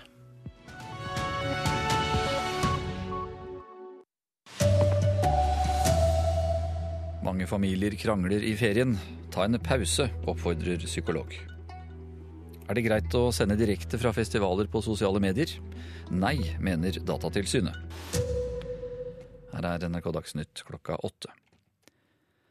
Alarmtelefonen for barn og unge opplever flere henvendelser fra barn og foreldre som krangler i ferien. 20% av henvendelsene til alarmtelefonene fra både barn og voksne handler om krangling i familien. Psykologspesialist ved Homansbyen familievernkontor i Oslo, Arve Bjelland Grov, mener det kan være lurt å ta en pause dersom man først har begynt å krangle.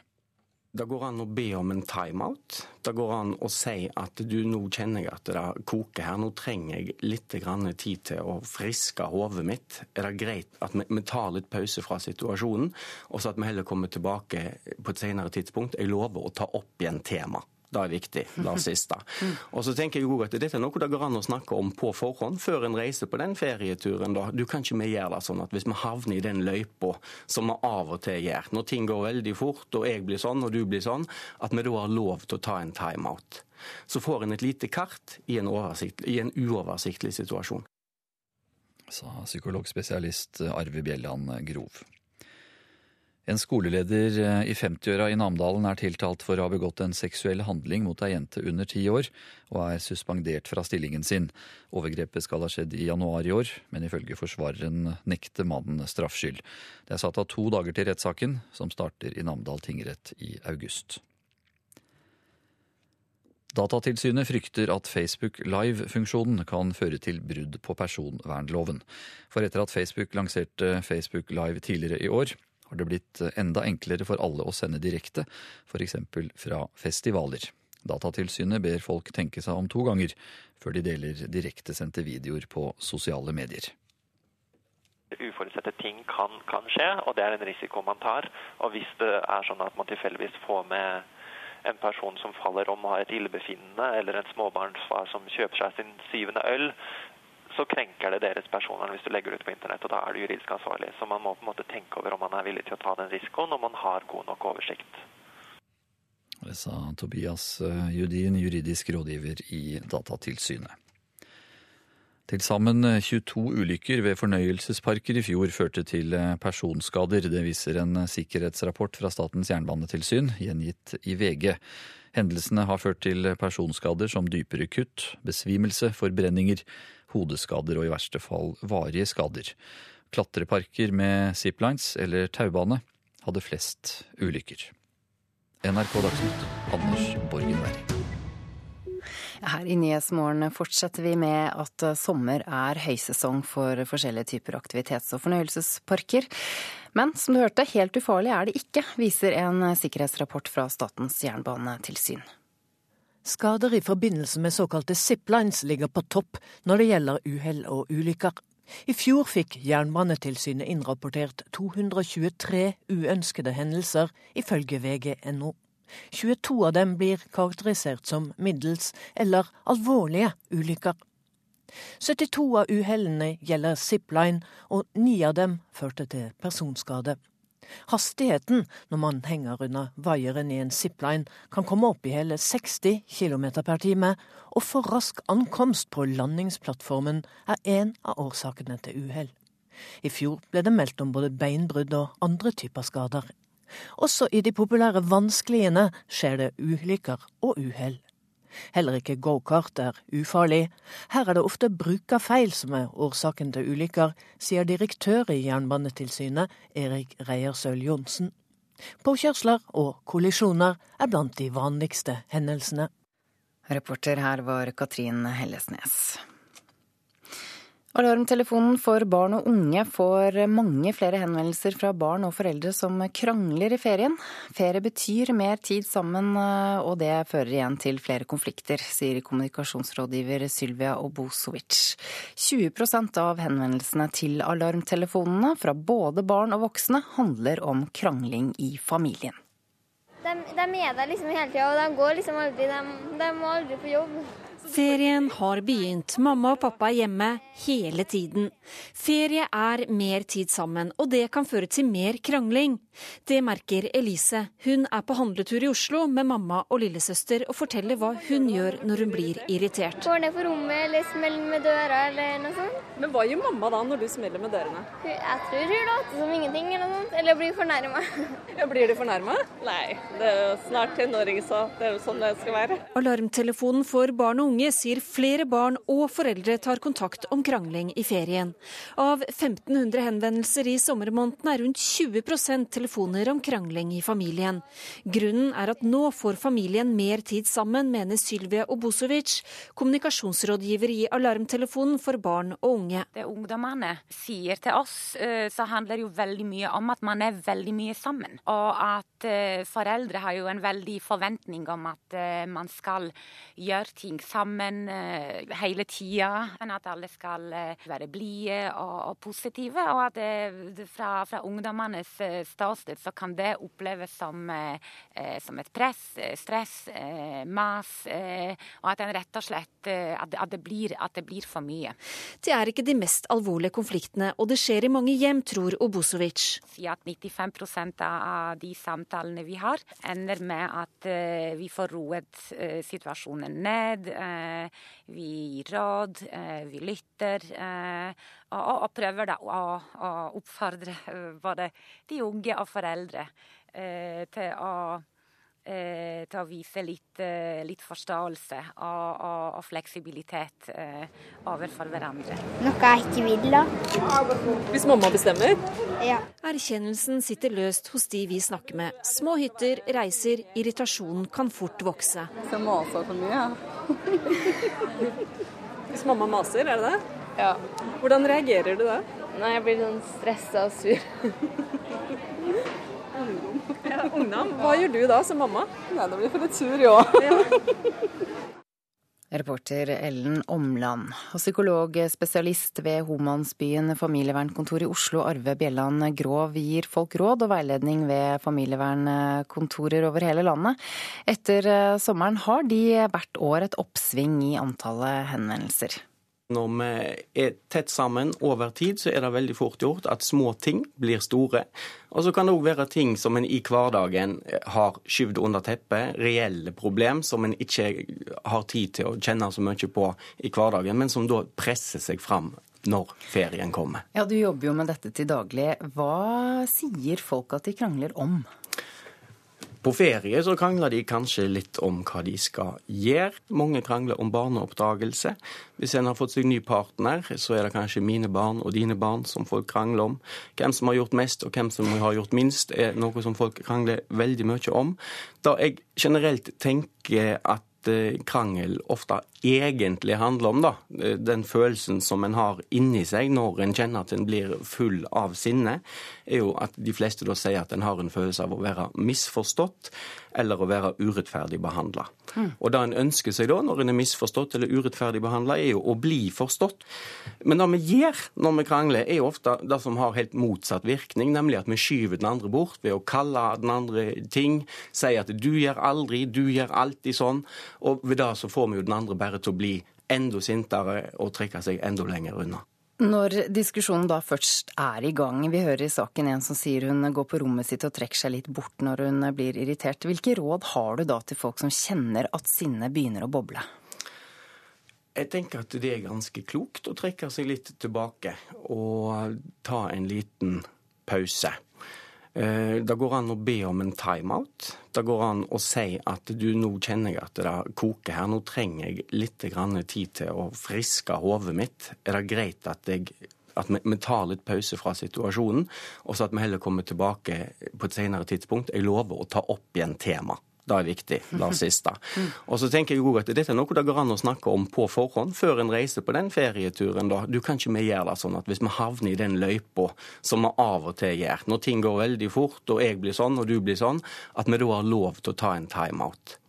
Krangling eh, trenger jo ikke være mellom mor og far eller eh, foreldre og barn. Søskenkrangling er eh, noe de fleste også kjenner til. Når er det på tide å gripe inn der?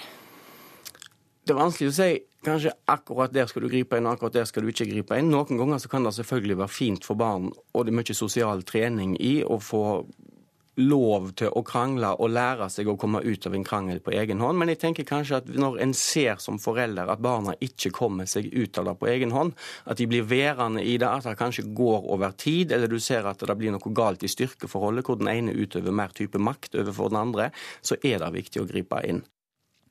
Det sa psykologspesialist Arve Bjelland Grov. Da er det tid for en titt på avisene og hva de skriver om i dag. Svarte i USA blir utsatt for maktbruk tre ganger så ofte som hvite, viser en ny amerikansk undersøkelse som Aftenposten skriver om i dag.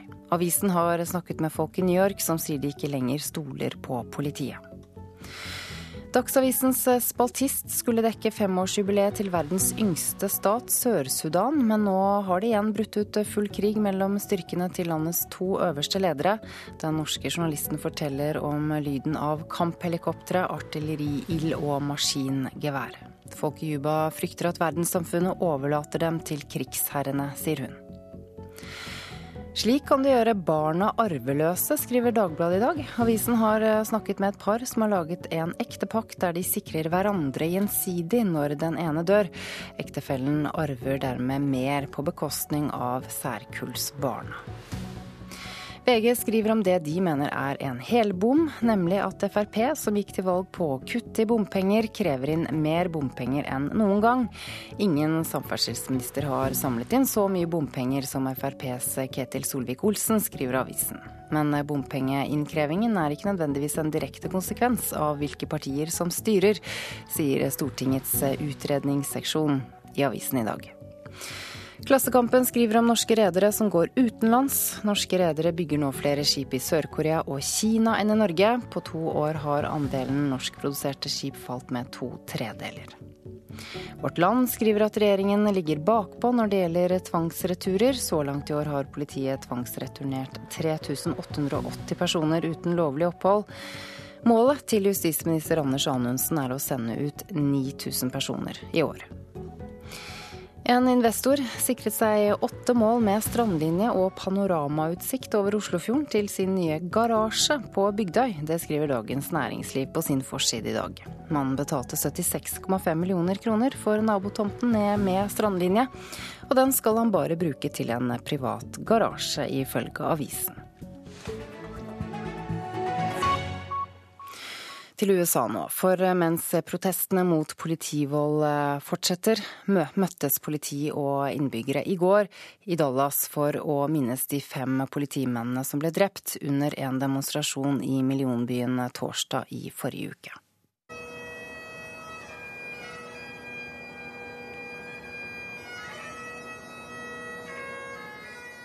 Sekkepiper akkompagnert av tusenvis av stearinlys utenfor politihuset i Dallas i den varme julikvelden. Innbyggerne hadde møtt opp til en minnemarkering utenfor politihuset. Til minne om de fem politimennene som ble skutt og drepne under en demonstrasjon mot politivalg sist veke. Demonstrasjonene som fant sted i flere amerikanske byer, protesterte mot to hendinger der svarte menn ble drepne av politi tidligere i veka. I Dallas enda det med at Micah Johnson, en 25 år gammel tidligere soldat, drepte fem politimenn.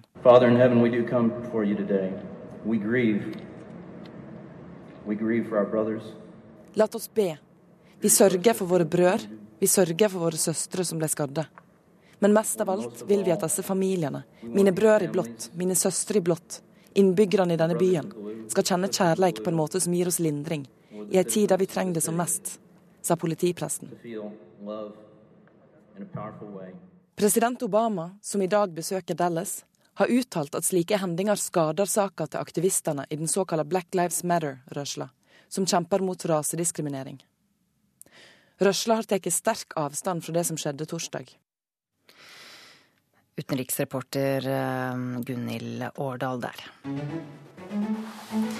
Det er Nyhetsmorgen du lytter til, og dette er hovedsakene våre nå. Mange familier krangler i ferien. Ta en pause, oppfordrer psykolog. Et fåtall av folk i nord vil at Norge skal melde seg inn i EU.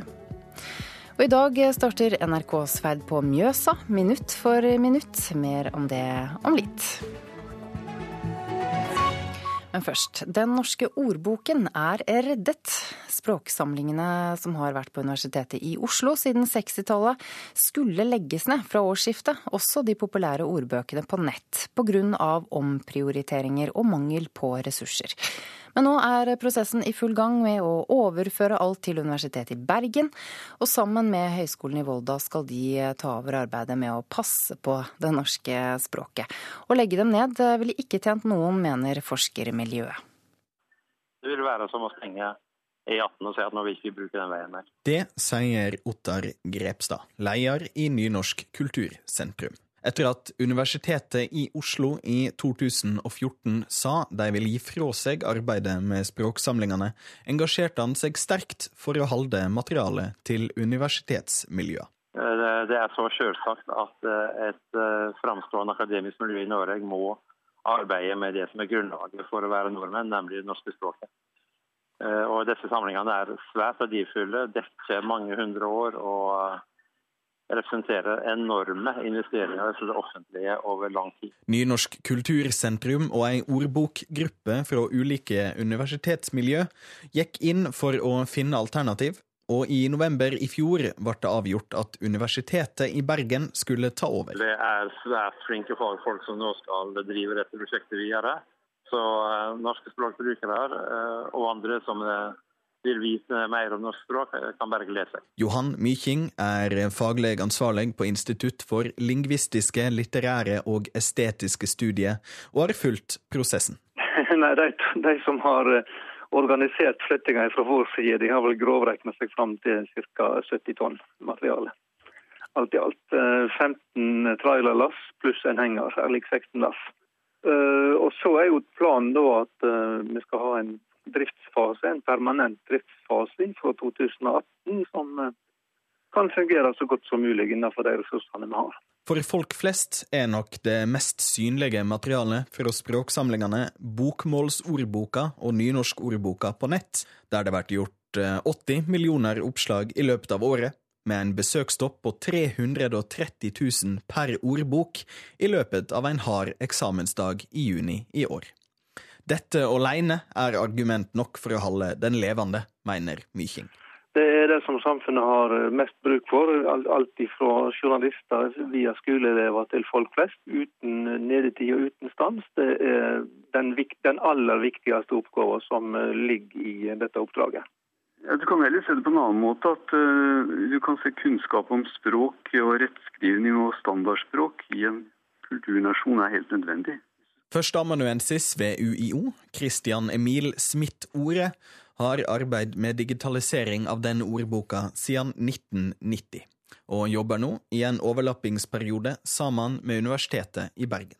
Du kan sammenligne det med vanlig infrastruktur som veier og kloakk og vann, for den saks skyld. Det er rett og slett absolutt nødvendig, og det er også nødvendig at dette ikke er en privatisert ting, men en en offentlighet som alle kan bruke, og da fortrinnsvis gratis. Mykje står igjen før akademikerne sin ønskedrøm kan oppfylles. Først og fremst mener både Grepstad og Ore Smith at Kunnskapsdepartementet har løyva for lite penger til videre utvikling. Når regjeringa skar igjennom og flytta samlingene til Bergen, så flytta de seks millioner fra Universitetet i Oslo til Universitetet i Bergen. Det burde ha flytta minst tolv og gjerne enda mer, men dette er for lite. Så den summen må rett og slett økes. Det er altfor alt for lite. Det burde vært i hvert fall fire ganger så mye. Seks millioner, det vil bare dreie seg om å drive dette her, altså basisdrift av det. Det er ikke noe snakk om videreutvikling av innholdet, f.eks. Reporter Andreas Hatzel Opsvik. Åse Vetås, du er språkdirektør. Velkommen til Nyhetslunsj. Det er Nyhetsmorgen, er dette. Du har selv Det er tidlig, litt tidlig ennå. Du har selv vært prosjektdirektør for Norsk ordbok 2014. Hvor viktig er ordbøkene for det norske språket? Det er jo som både vi hører direktøren i Nynorsk kultursentrum og Christian Emil Smith-Ore her sier, dette er en slags Eh, motorvei for det norske språket. Nynorskordboka og bokmålsordboka er den viktigste kilden vi har til hele den gjeldende norske rettskrivingen. Og det at de ordbøkene er gratis tilgjengelige på nett for alle som ønsker å bruke dem, det gjør de helt eh, enestående i eh, forvaltningen av norsk språk. Så hva slags forhold har Språkrådet til disse ordbøkene? Språkrådet har eh, eikt disse ordbøkene sammen med Universitetet i Oslo de siste 30 åra. Og vi jobber tett sammen, vi har jobba tett sammen med å utvikle disse ordbøkene. Nå er vi veldig lykkelige for at Universitetet i Bergen har eh, tatt på seg å drifte og utvikle disse ordbøkene videre sammen med oss. For dette er en av de viktigste eh, publikumstjenestene Språkrådet har. Jeg tror du dette betyr mye for folk flest? Dette vet vi at betyr mye for folk flest. Altså det er 80-90 millioner søk i disse ordbøkene i året. Det er veldig mange som bruker dem, og folk vet at der kan de finne oppdaterte opplysninger om, om hele den norske rettskrivingen. Da Universitetet i Oslo sa nei til å fortsette dette arbeidet, hva tenkte du da?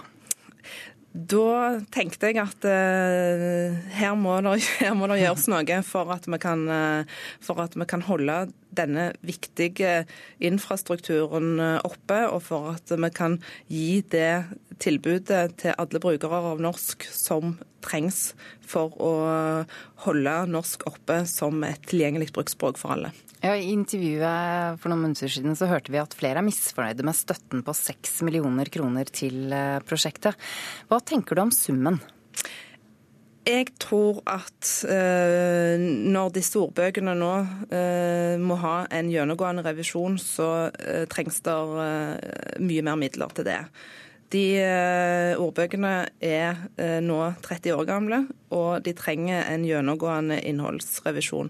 Vi fra vår kant i Språkrådet er òg opptatt av at vi skal gjøre de enda mer tilgjengelige Eh, gjennom eh, nye plattformer. og det er klart at Sånne ting koster penger, men dette er altså grunnleggende samfunnsinfrastruktur eh, i Norge. Så, så de, de, pengene må vi prøve å finne. Mm. Det trengs å jobbe med denne boken kontinuerlig, sier du. Hva er det som nå bør gjøres? Det som bør gjøres eh, når ordbøkene kommer vel i havn i Bergen, det er at eh, det blir starta et, et, prosjekt for en gjennomgående innholdsrevisjon. Det norske språket utvikler seg og forandrer seg litt hele tida, og da må disse bruksordbøkene òg gjenspeile den utviklingen og vise fram til folk det oppdaterte eh, resultatet av disse fortolkningene av norsk språk. Takk for at du kom hit, språkdirektør Åse Vetås. Nå skal vi høre at I dag starter NRKs ferd på Mjøsa minutt for minutt, med programleder om bord på den nye sommeråpent-båten Skibladner. Men eh, de har også med seg en mann fra Mjøsmuseet. Et levende leksikon om Mjøseregionen og om Skibladner.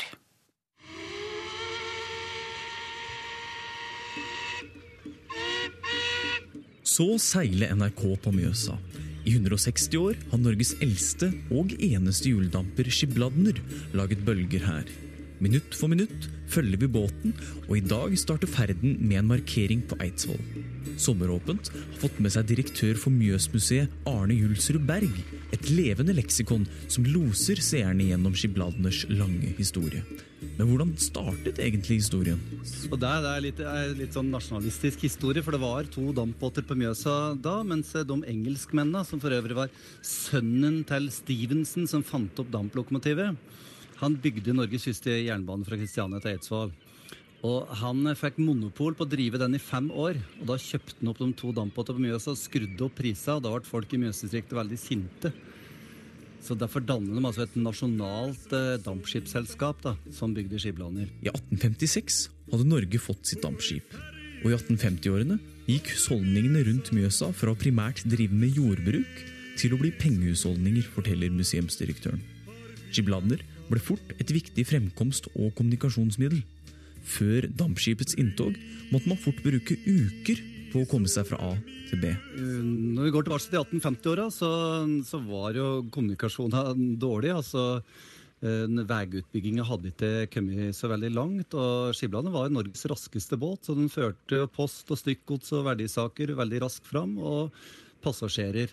Alternativet for folk flest var faktisk å gå. Så eh, hvis du sto opp tidlig om morgenen i Kristiania, kunne du ta toget til Eidsvoll og Skiblander til Lillehammer og rutegående hesteskyss til Båtsstø i 13 i Gudbrandsdalen og dampskipet Dalgudbrand over Losnavatn og komme ned til Ringebu i løpet av én dag.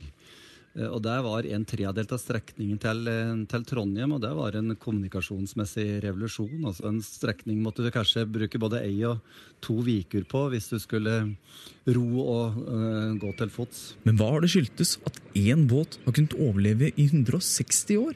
Jo, kjærlighet fra lokalbefolkningen og ferskvannet, som ikke tærer like mye på båten som saltvann hadde gjort. Og turistene, da, som vi hører de mange historiene båten bærer preg av. Båten har sunket i opplag to ganger, den ble gjemt under tyskere under andre verdenskrig. Eh, og de vil høre om klasseskille. Det var jo første- og andreplass eh, en stort klasseskille om bord. Og de vil høre historier om hvorfor denne gamle båten har overlevd, eh, som skyldes jo veldig sånne irrasjonelle følelser og en kjærlighet til en gammel båt. Etter hvert fikk båten et eksklusivt preg, med restaurant og Hadde Norges første vannklosett. Det var, eh, I matsalen var det sølvbestikk og porselenstallerkener og krystallglass. Og denne sommeren skal skipet altså huse NRKs Sommeråpent. Og er du en av dem som vil nyte det vakre Mjøslandskapet, kan du enten bli med på ferden, eller du kan se den på TV. Reporter Philip André Johannes Borg. Å melke, grave, børste, yste, luke, hesje, høste og arbeide med dyr. Det bruker nesten 90 ungdommer over hele landet sommerferien til å lære. De bor på seter, gård eller beitetilsyn. Vi har besøkt Numedal i Buskerud for å snakke med ungdom som jobber på setra til Senterpartiets stortingspolitiker Per Olaf Lundteigen.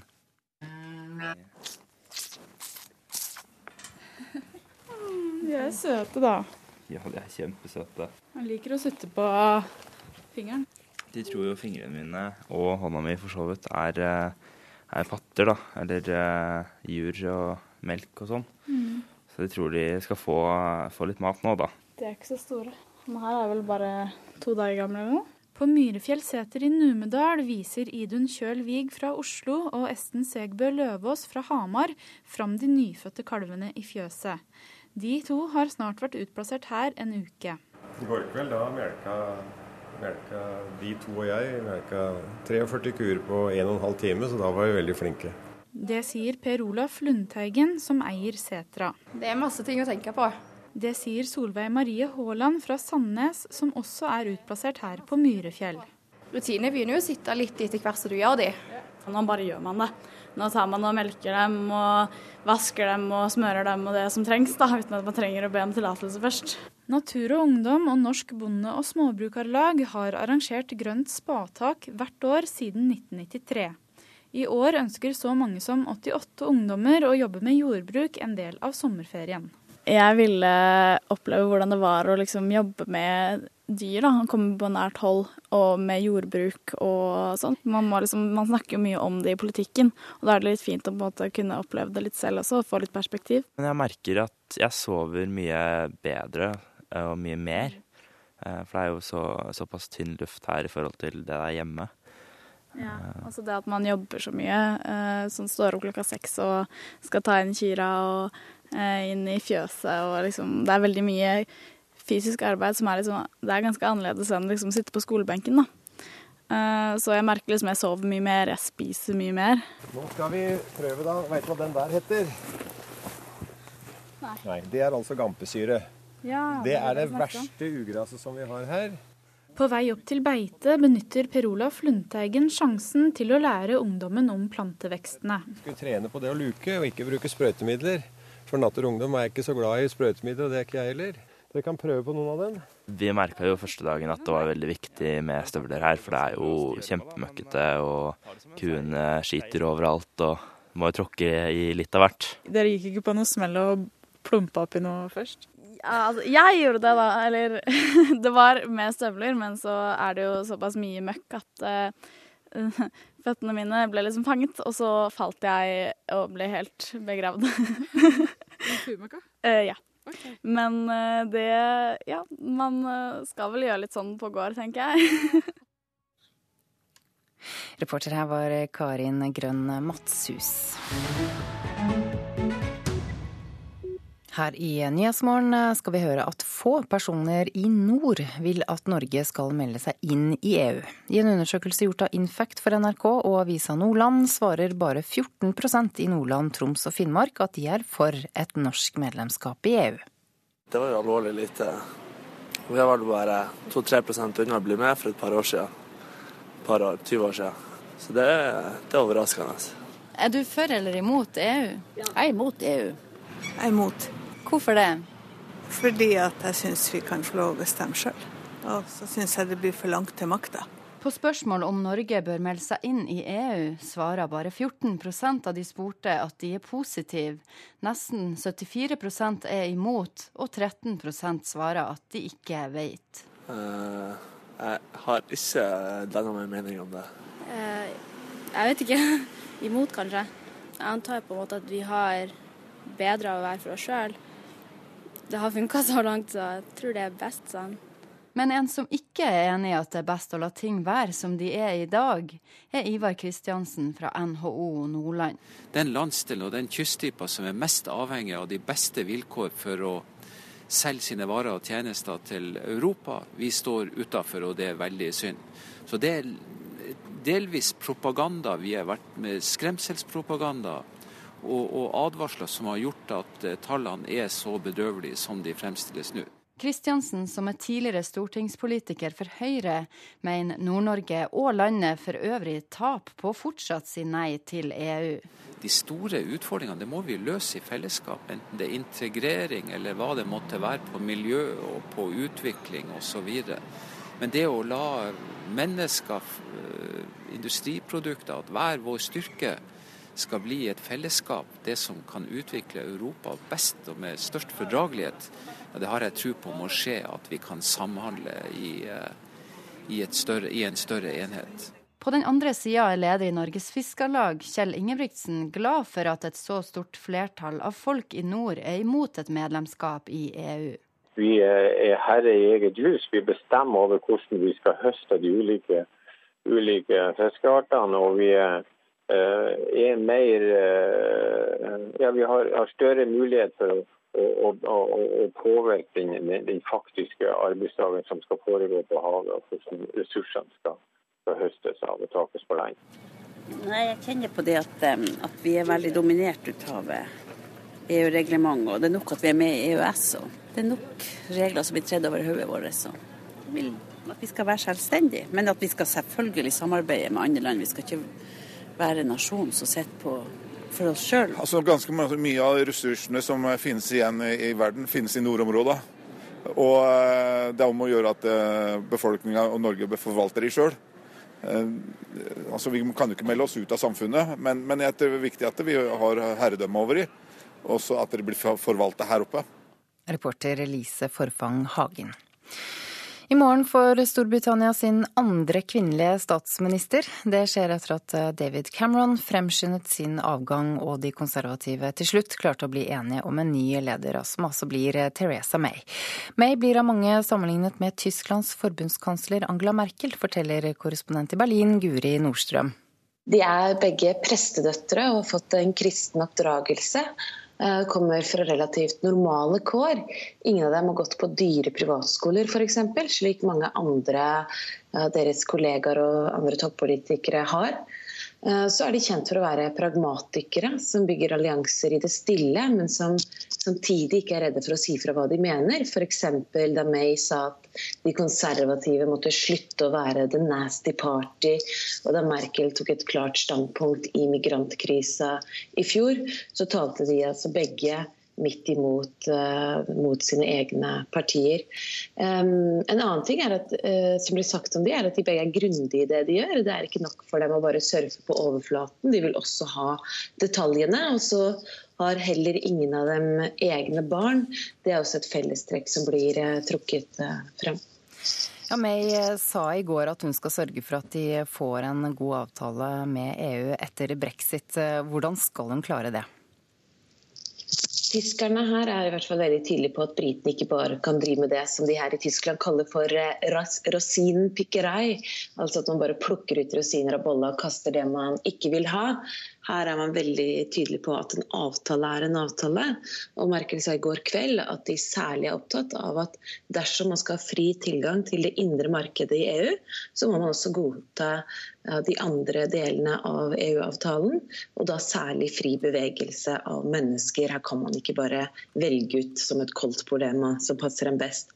Men så er jo, Nå spørs det egentlig hvordan dette vil bli når det kommer til realpolitikken og og forhandlingene her.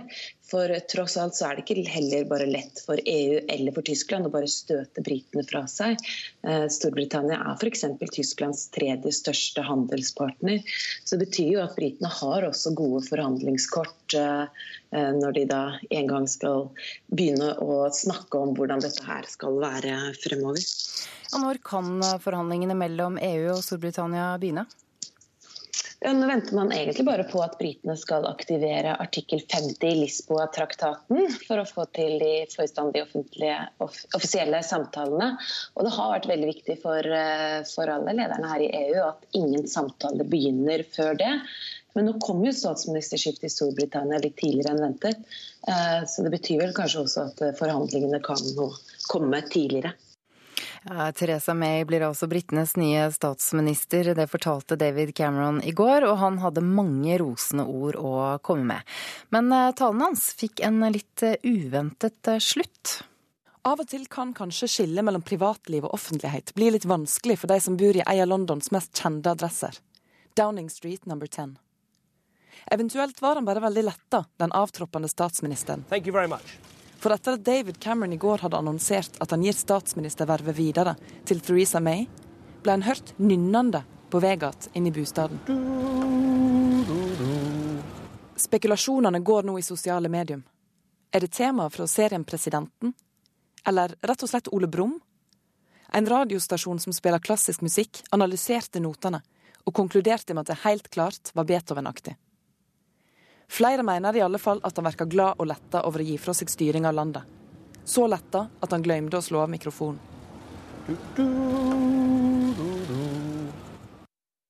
Reporter her var Gunhild Årdal. Da skal vi hjem igjen og høre at flere stortingspolitikere fra Høyre, Venstre og Frp støtter ungdomspartilederne som tar til orde for å vrake sexkjøpsloven. Det skriver Aftenposten i dag. Hvis du fjerner hallikparagrafen, er det f.eks. mulig å organisere seg. Man kan ha et kollektiv eh, hvor man da kan passe på hverandre. Eh, hvis det kommer voldelige kunder, man noen, kan man ringe til noen. Hvis man i dag har noen som lover å passe på, eh, noen som selger sex, så er de halliker. Eh, ja, nå er... beskrev du et bordell. Ja. ja du, men du får det jo til å høres ut som eh, SFO. Leder i Unge Venstre, Tord Hustveit, møtte leder av Rød Ungdom, Linn Elise Øen Mælen, til debatt i Dagsnytt 18 i går. Han vil fjerne sexkjøploven. Nei, er, Poenget er dette her er ikke en god bransje. Men lovgivningen gjør det enda verre. Veldig mange av de som selger sex, er jo utsatt for menneskehandel eller eh, migrasjonsrelatert prostitusjon. Unge Venstre er ikke alene, og vil sammen med Unge Høyre og Fremskrittspartiets Ungdom presse regjeringa til å fjerne sexkjøploven. Et omstridt tema, men nå får ungdomspartiene støtte fra moderpartiene. Det melder Aftenposten. Tina Bru i Høyre sier at de har et programvedtak om at forbudet mot kjøp av sex skal vekk. Frp ønsker òg en snarlig endring i sexkjøpsloven. Det sier leder i helsekomiteen, Kari Kjønaas Kjos. Ja, vi har jo eh, programfestet det og var imot loven når den ble innført, så da er det naturlig når vi har en mulighet til å reversere den, at vi gjør det. Det er eh, programfesta også i Venstre. Det, vi har hele veien vært imot den eh, loven. Det er eh, store utfordringer som går under bakken, som vi ikke ser med den loven. og Derfor så vil vi ha det her i åpent lende. Det sier stortingsrepresentant Kjetil Kjenseth i Venstre. Han tror en endring i loven er fullt mulig før stortingsvalget. Ja, det er fullt mulig. Det er mulig å endre loven på kort tid. Men det er klart vi, vi trenger noe, noe, forarbeid til det, så vi venter på at eh, regjeringen skal legge fram noe, eh, et forslag for Stortinget. Og det bør jo skje eh, ganske raskt i høst. Reporter Ola Solheim. Norsk mat har fått et ufortjent dårlig rykte om at den er veldig dyr, ifølge en undersøkelse gjort av Norsk Landbrukssamvirke. Så mange som ni av ti nordmenn tror de må jobbe tre til fem timer for å kunne kjøpe nok mat for én uke til én person. Egentlig må man bare jobbe 1 time og 25 minutter, viser undersøkelsen, og det tilsvarer mat for 413 kroner i uken. Men er det realistisk? Blant folk i Oslo er det delte meninger om mat for en hel uke i Norge faktisk kan være så billig. Nei, det er helt urealistisk. Ikke for meg i hvert fall. Men uh, det kommer nok litt an på personen. Men jeg bruker mye mer enn det. kan være, men det blir vel ikke det mest spennende utvalget, kanskje. Likevel viser en fersk undersøkelse gjennomført av Sinito for Norsk Landbrukssamvirke at nordmenn tror de må jobbe flere timer enn det de egentlig må for maten. Mat i Norge er altså billigere enn folk flest tror forteller Ola Hedstein, administrerende direktør i Norsk Landbrukssamvirke. Den eh, viser jo at de da jobber jo faktisk bare 1 time og 25 minutter. Og det har jo gått ned i alle år. Så i 84 så var det 4 timer og 30 minutter, og nå er det 1 time og 25 minutter som de bruker på å jobbe inn inntekt til en ukes forbruk. Hva betyr det? Da har man muligheten til å ha et rikt liv, og er ikke avhengig av å bruke alle pengene sine på maten. Det er egentlig et uttrykk for et, eh, et velstandsnivå, og vi et, eh, har et høyt velstandsnivå i Norge. Håkon Rikels, samfunnsøkonom i tankesmien Civita, er kritisk til undersøkelsen. Det er fordi nordmenn er rike. Vi har veldig god råd, og da blir inntekten høy. Eh, men det er ikke alle som har så høy inntekt. Eh, en del personer som har lav inntekt, eh, spesielt lav in hvis de har lav inntekt og flere barn å forsørge på den inntekten, så kan mat være en stor utgift. Så det er det andre tingen er at når man da ser på gjennomsnittsinntekten på et litt kunstig lavt matbudsjett, så går man glipp av det faktum at for mange som har dårlig råd, så kan situasjonen se veldig annerledes ut. At de faktisk må bruke en ganske stor andel av budsjettet sitt på mat. Men Ola Hedstein avviser kritikken.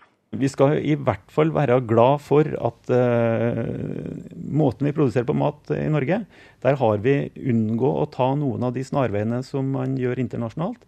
Så uh, matprisen i Norge står, til, står, i stil til det høye inntektsnivået vi har i et rikt land.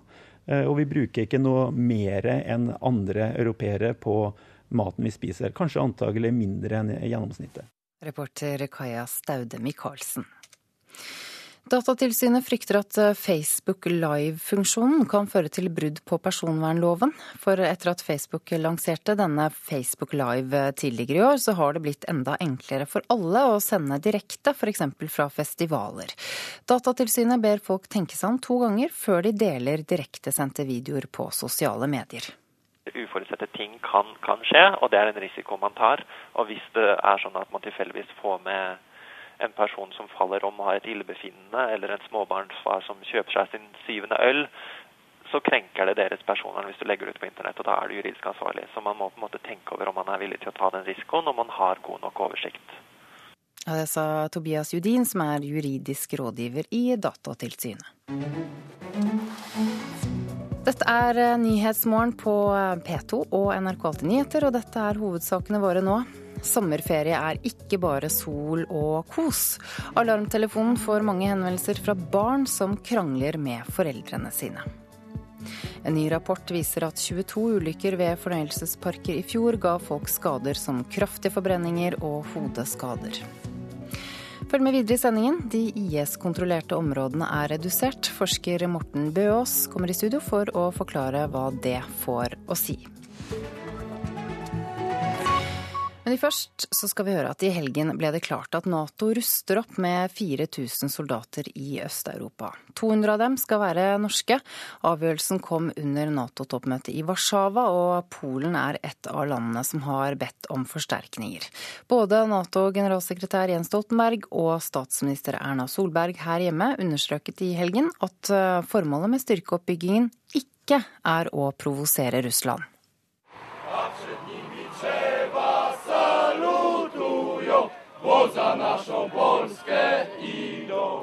We do not want a new Cold War, we do not want a new arms race, and we do not seek confrontation. Vi må faktisk stå sammen, vi må vise styrke. Vi må ha kapasitet til å beskytte. Vi må være en troverdig allianse. Det er ut ifra den plattformen du kan ha best dialog også med russerne.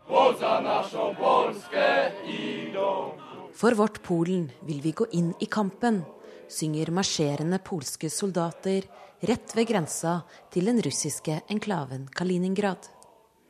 Her på militærbasen i Branievo helt nord i Polen holder rundt 1000 soldater til. Alle er polakker, og slik vil det nok fortsatt være. For selv om den polske regjeringen ønsker økt Nato-nærvær for å styrke seg mot Russland, er det en klar oppfatning at Nato-styrker så nær den russiske grensa kun vil virke ødeleggende, sier Branievos ordfører Monika Trzinska.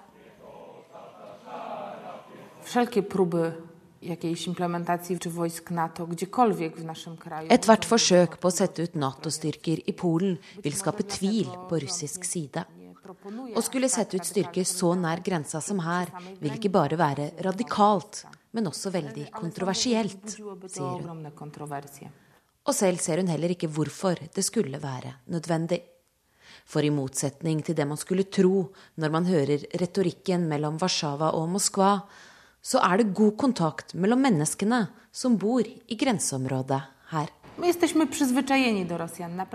Vi er vant til russerne, vi har levd side om side med dem i mange år.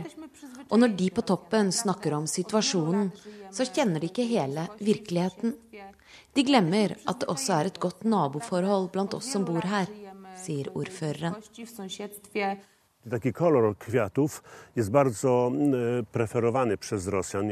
Denne er svært godt likt av russerne, forteller Lucian Gurstzyn. Han eier byens gartneri og viser frem en stor rød rose. Nesten hver dag har han kunder fra Russland. Og om dem har han bare godord å si. De er hyggelige, de betaler i tide, de er til å stole på. Men selv om det er god kontakt mellom folk på grasrotnivå over grensa, ønsker han seg likevel Nato-styrker hit. Takie moje odczucie prywatne, że gdyby były tutaj, to jeg mener at det ville vært bedre. For russerne respekterer deg kun om du er sterk, sier gartnerieieren, som frykter at det samme som har skjedd i Georgia og Ukraina, like så godt kan skje i Polen.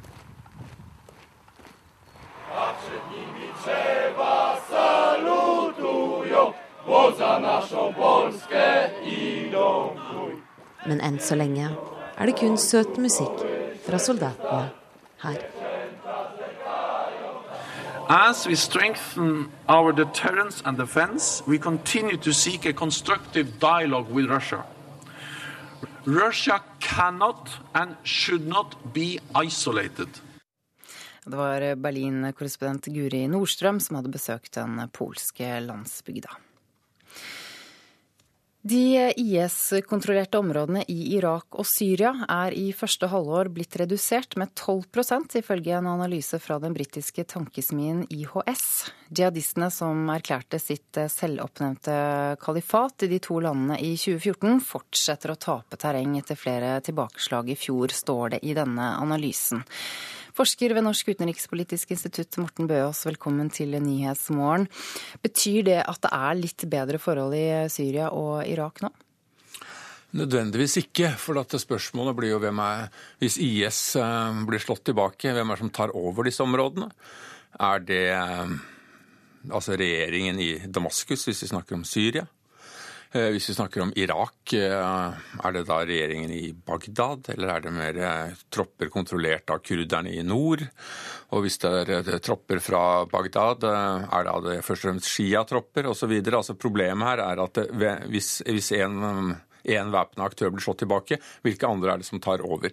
Og Det kan faktisk eh, på kort sikt gjøre situasjonen for sivilbefolkningen faktisk enda verre, i, i, i, den forstand at den blir mer uforutsigbar. At det lenger ikke er snakk om at det er én aktør, f.eks. IS, som kontrollerer et område, men at det er flere som slåss om kontrollen over det området.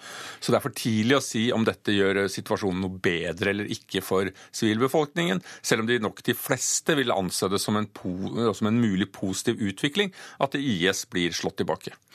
Så kommer dette at IS blir slått tilbake til å virke inn på antallet mennesker på flukt fra disse områdene?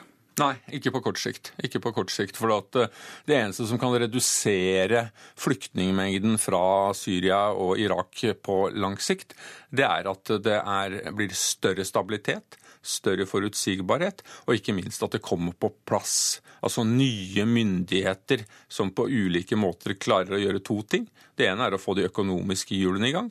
Det andre er å begynne den langsiktige prosessen det vil være både i Syria og Irak, og skape forsoning eh, på tvers av de ulike sekteriske konfliktlinjene som har dukket opp mellom ulike sosiale, religiøse grupper her. Hvor optimistisk er du med tanke på det? Jeg er dessverre ikke så veldig optimistisk. Jeg tror dette kommer til å, altså I beste fall så tar det veldig lang tid.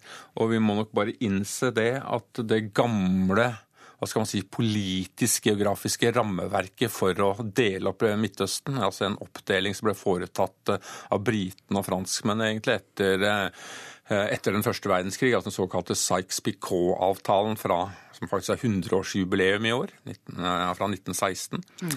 Eh, som delte opp dette området i hva skal man si, nye nasjonalstater. Det er nå kraftig forskjøvet. Og det er veldig liten grunn til å tro at dette, her, dette statssystemet bare skal falle rolig på plass, selv om IS skulle forsvinne, eh, la oss si, om en måned eller et år. eller noe sånt. Og det vil ta lang, lang tid å få dette til å falle på plass igjen. Og I mellomtiden eh, så er det sånn at mennesker på flukt eh, påvirker politikken til land over hele verden og preger veldig det som skjer. Eh, mange tror at det kommer en ny strøm av flyktninger og migranter. Ser det slik ut nå? Altså, det er veldig vanskelig å forutsi både hvor store disse strømmene av flyktninger og migranter vil bli, og det er heller ikke helt lett å forutsi hvor de kommer hen. Men med tanke på både all den uroen som er i Midtøsten, som vil fortsette å være i Midtøsten, med tanke på den situasjonen som er i Afghanistan, og, men også med tanke på den situasjonen som er i hele dette nordafrikanske Sahel-beltet, så må vi bare forvente at vi i overskuelig framtid vil se ganske store mengder av mennesker beve i bevegelse. Så gjenstår det å se hvor de vil eh, komme. De vil en del av disse bevege seg mot Europa, men i hvor store mengder er vanskelig å si. Og det er også mye dette har også mye med altså, hvilke ruter som er tilgjengelige og mulig. Akkurat nå er det en del ruter som er låst ned, sånn som f.eks. den fra Tyrkia til Hellas og gjennom Balkan. Det kan føre til et økt press mot Libya. Til slutt, du har nylig skrevet en kronikk i Dagsavisen der du peker på at uh, Tyrkias rolle som et land som nå kan åpne og lukke for flyktninger og migranter uh, som de vil, er noe flere land kanskje også kunne tenke seg. Kan du utdype det litt? Så Poenget er at uh, andre land som grenser opp mot Europa på en eller annen måte, altså de er ikke dumme. De ser det at Tyrkia har fått mye i denne avtalen med EU, som vel den er ikke fullt implementert, men også Tyrkia har fått mye. Der eh, de har hatt besøk av fremtredende ledere fra europeiske land, som Merkel gjentatte ganger, som reiser til eh, Ankara og Istanbul og på mange måter ber presidenten i Tyrkia om godt vær, om å stenge ned. Og det er klart at andre land som utfører tilsvarende roller for EU og Europa, som f.eks. Marokko, de ser på dette her og tenker at eh, Hvorfor får ikke vi tilsvarende? Altså, Vi betaler en høy pris, mener et land som Marokko, for på mange måter å være EUs utvidede grensepoliti. Og flere land ser at det, det, ligger en stor politisk kapital i å være på mange måter svingdørsprodusenten av flyktninger. Vi kan stenge døra til Europa, men vi kan også åpne den. Takk for at du kom hit, forsker ved Norsk utenrikspolitisk institutt, Morten Bøås.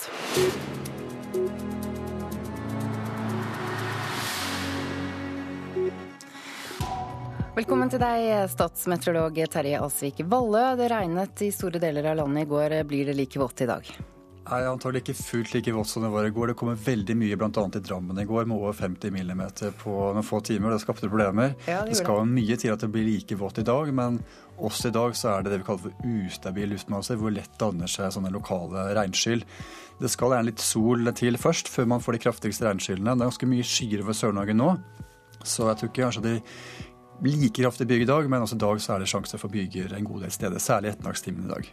Er det da folk i nord som har størst grunn til å juble over eh, været i dag også? Det er det. Det er ganske fint vær nå i morgentimene både i Nordland, Troms og Vest-Finnmark, mens det har begynt å regne litt lengst øst i Finnmark. Men generelt så er det Nord-Norge som kommer best fra det i dag. Så det blir en del sol også utover dagen i særlig Troms og lengst vest i Vest-Finnmark og i Nordland. Men en liten sjanse for en lokal ettermiddagsbyge og temperatur over 20 grader en god del steder i landsdelen.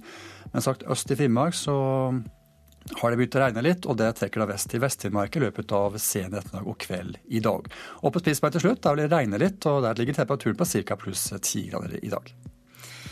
Takk til deg, statsmeteorolog Terje Alsvik Valle. Det er eh, Nyhetsmorgen du har lyttet til. Ansvarlig for denne sendingen har vært Bjørn Christian Jacobsen. Teknisk ansvarlig Marianne Myrhol. Produsent Elise Heisel Asbjørnsen. Jeg heter Ida Creed.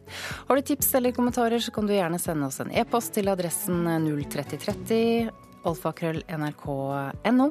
Og du kan høre Nyhetsmorgen når du vil på NRK på radio nrk.no.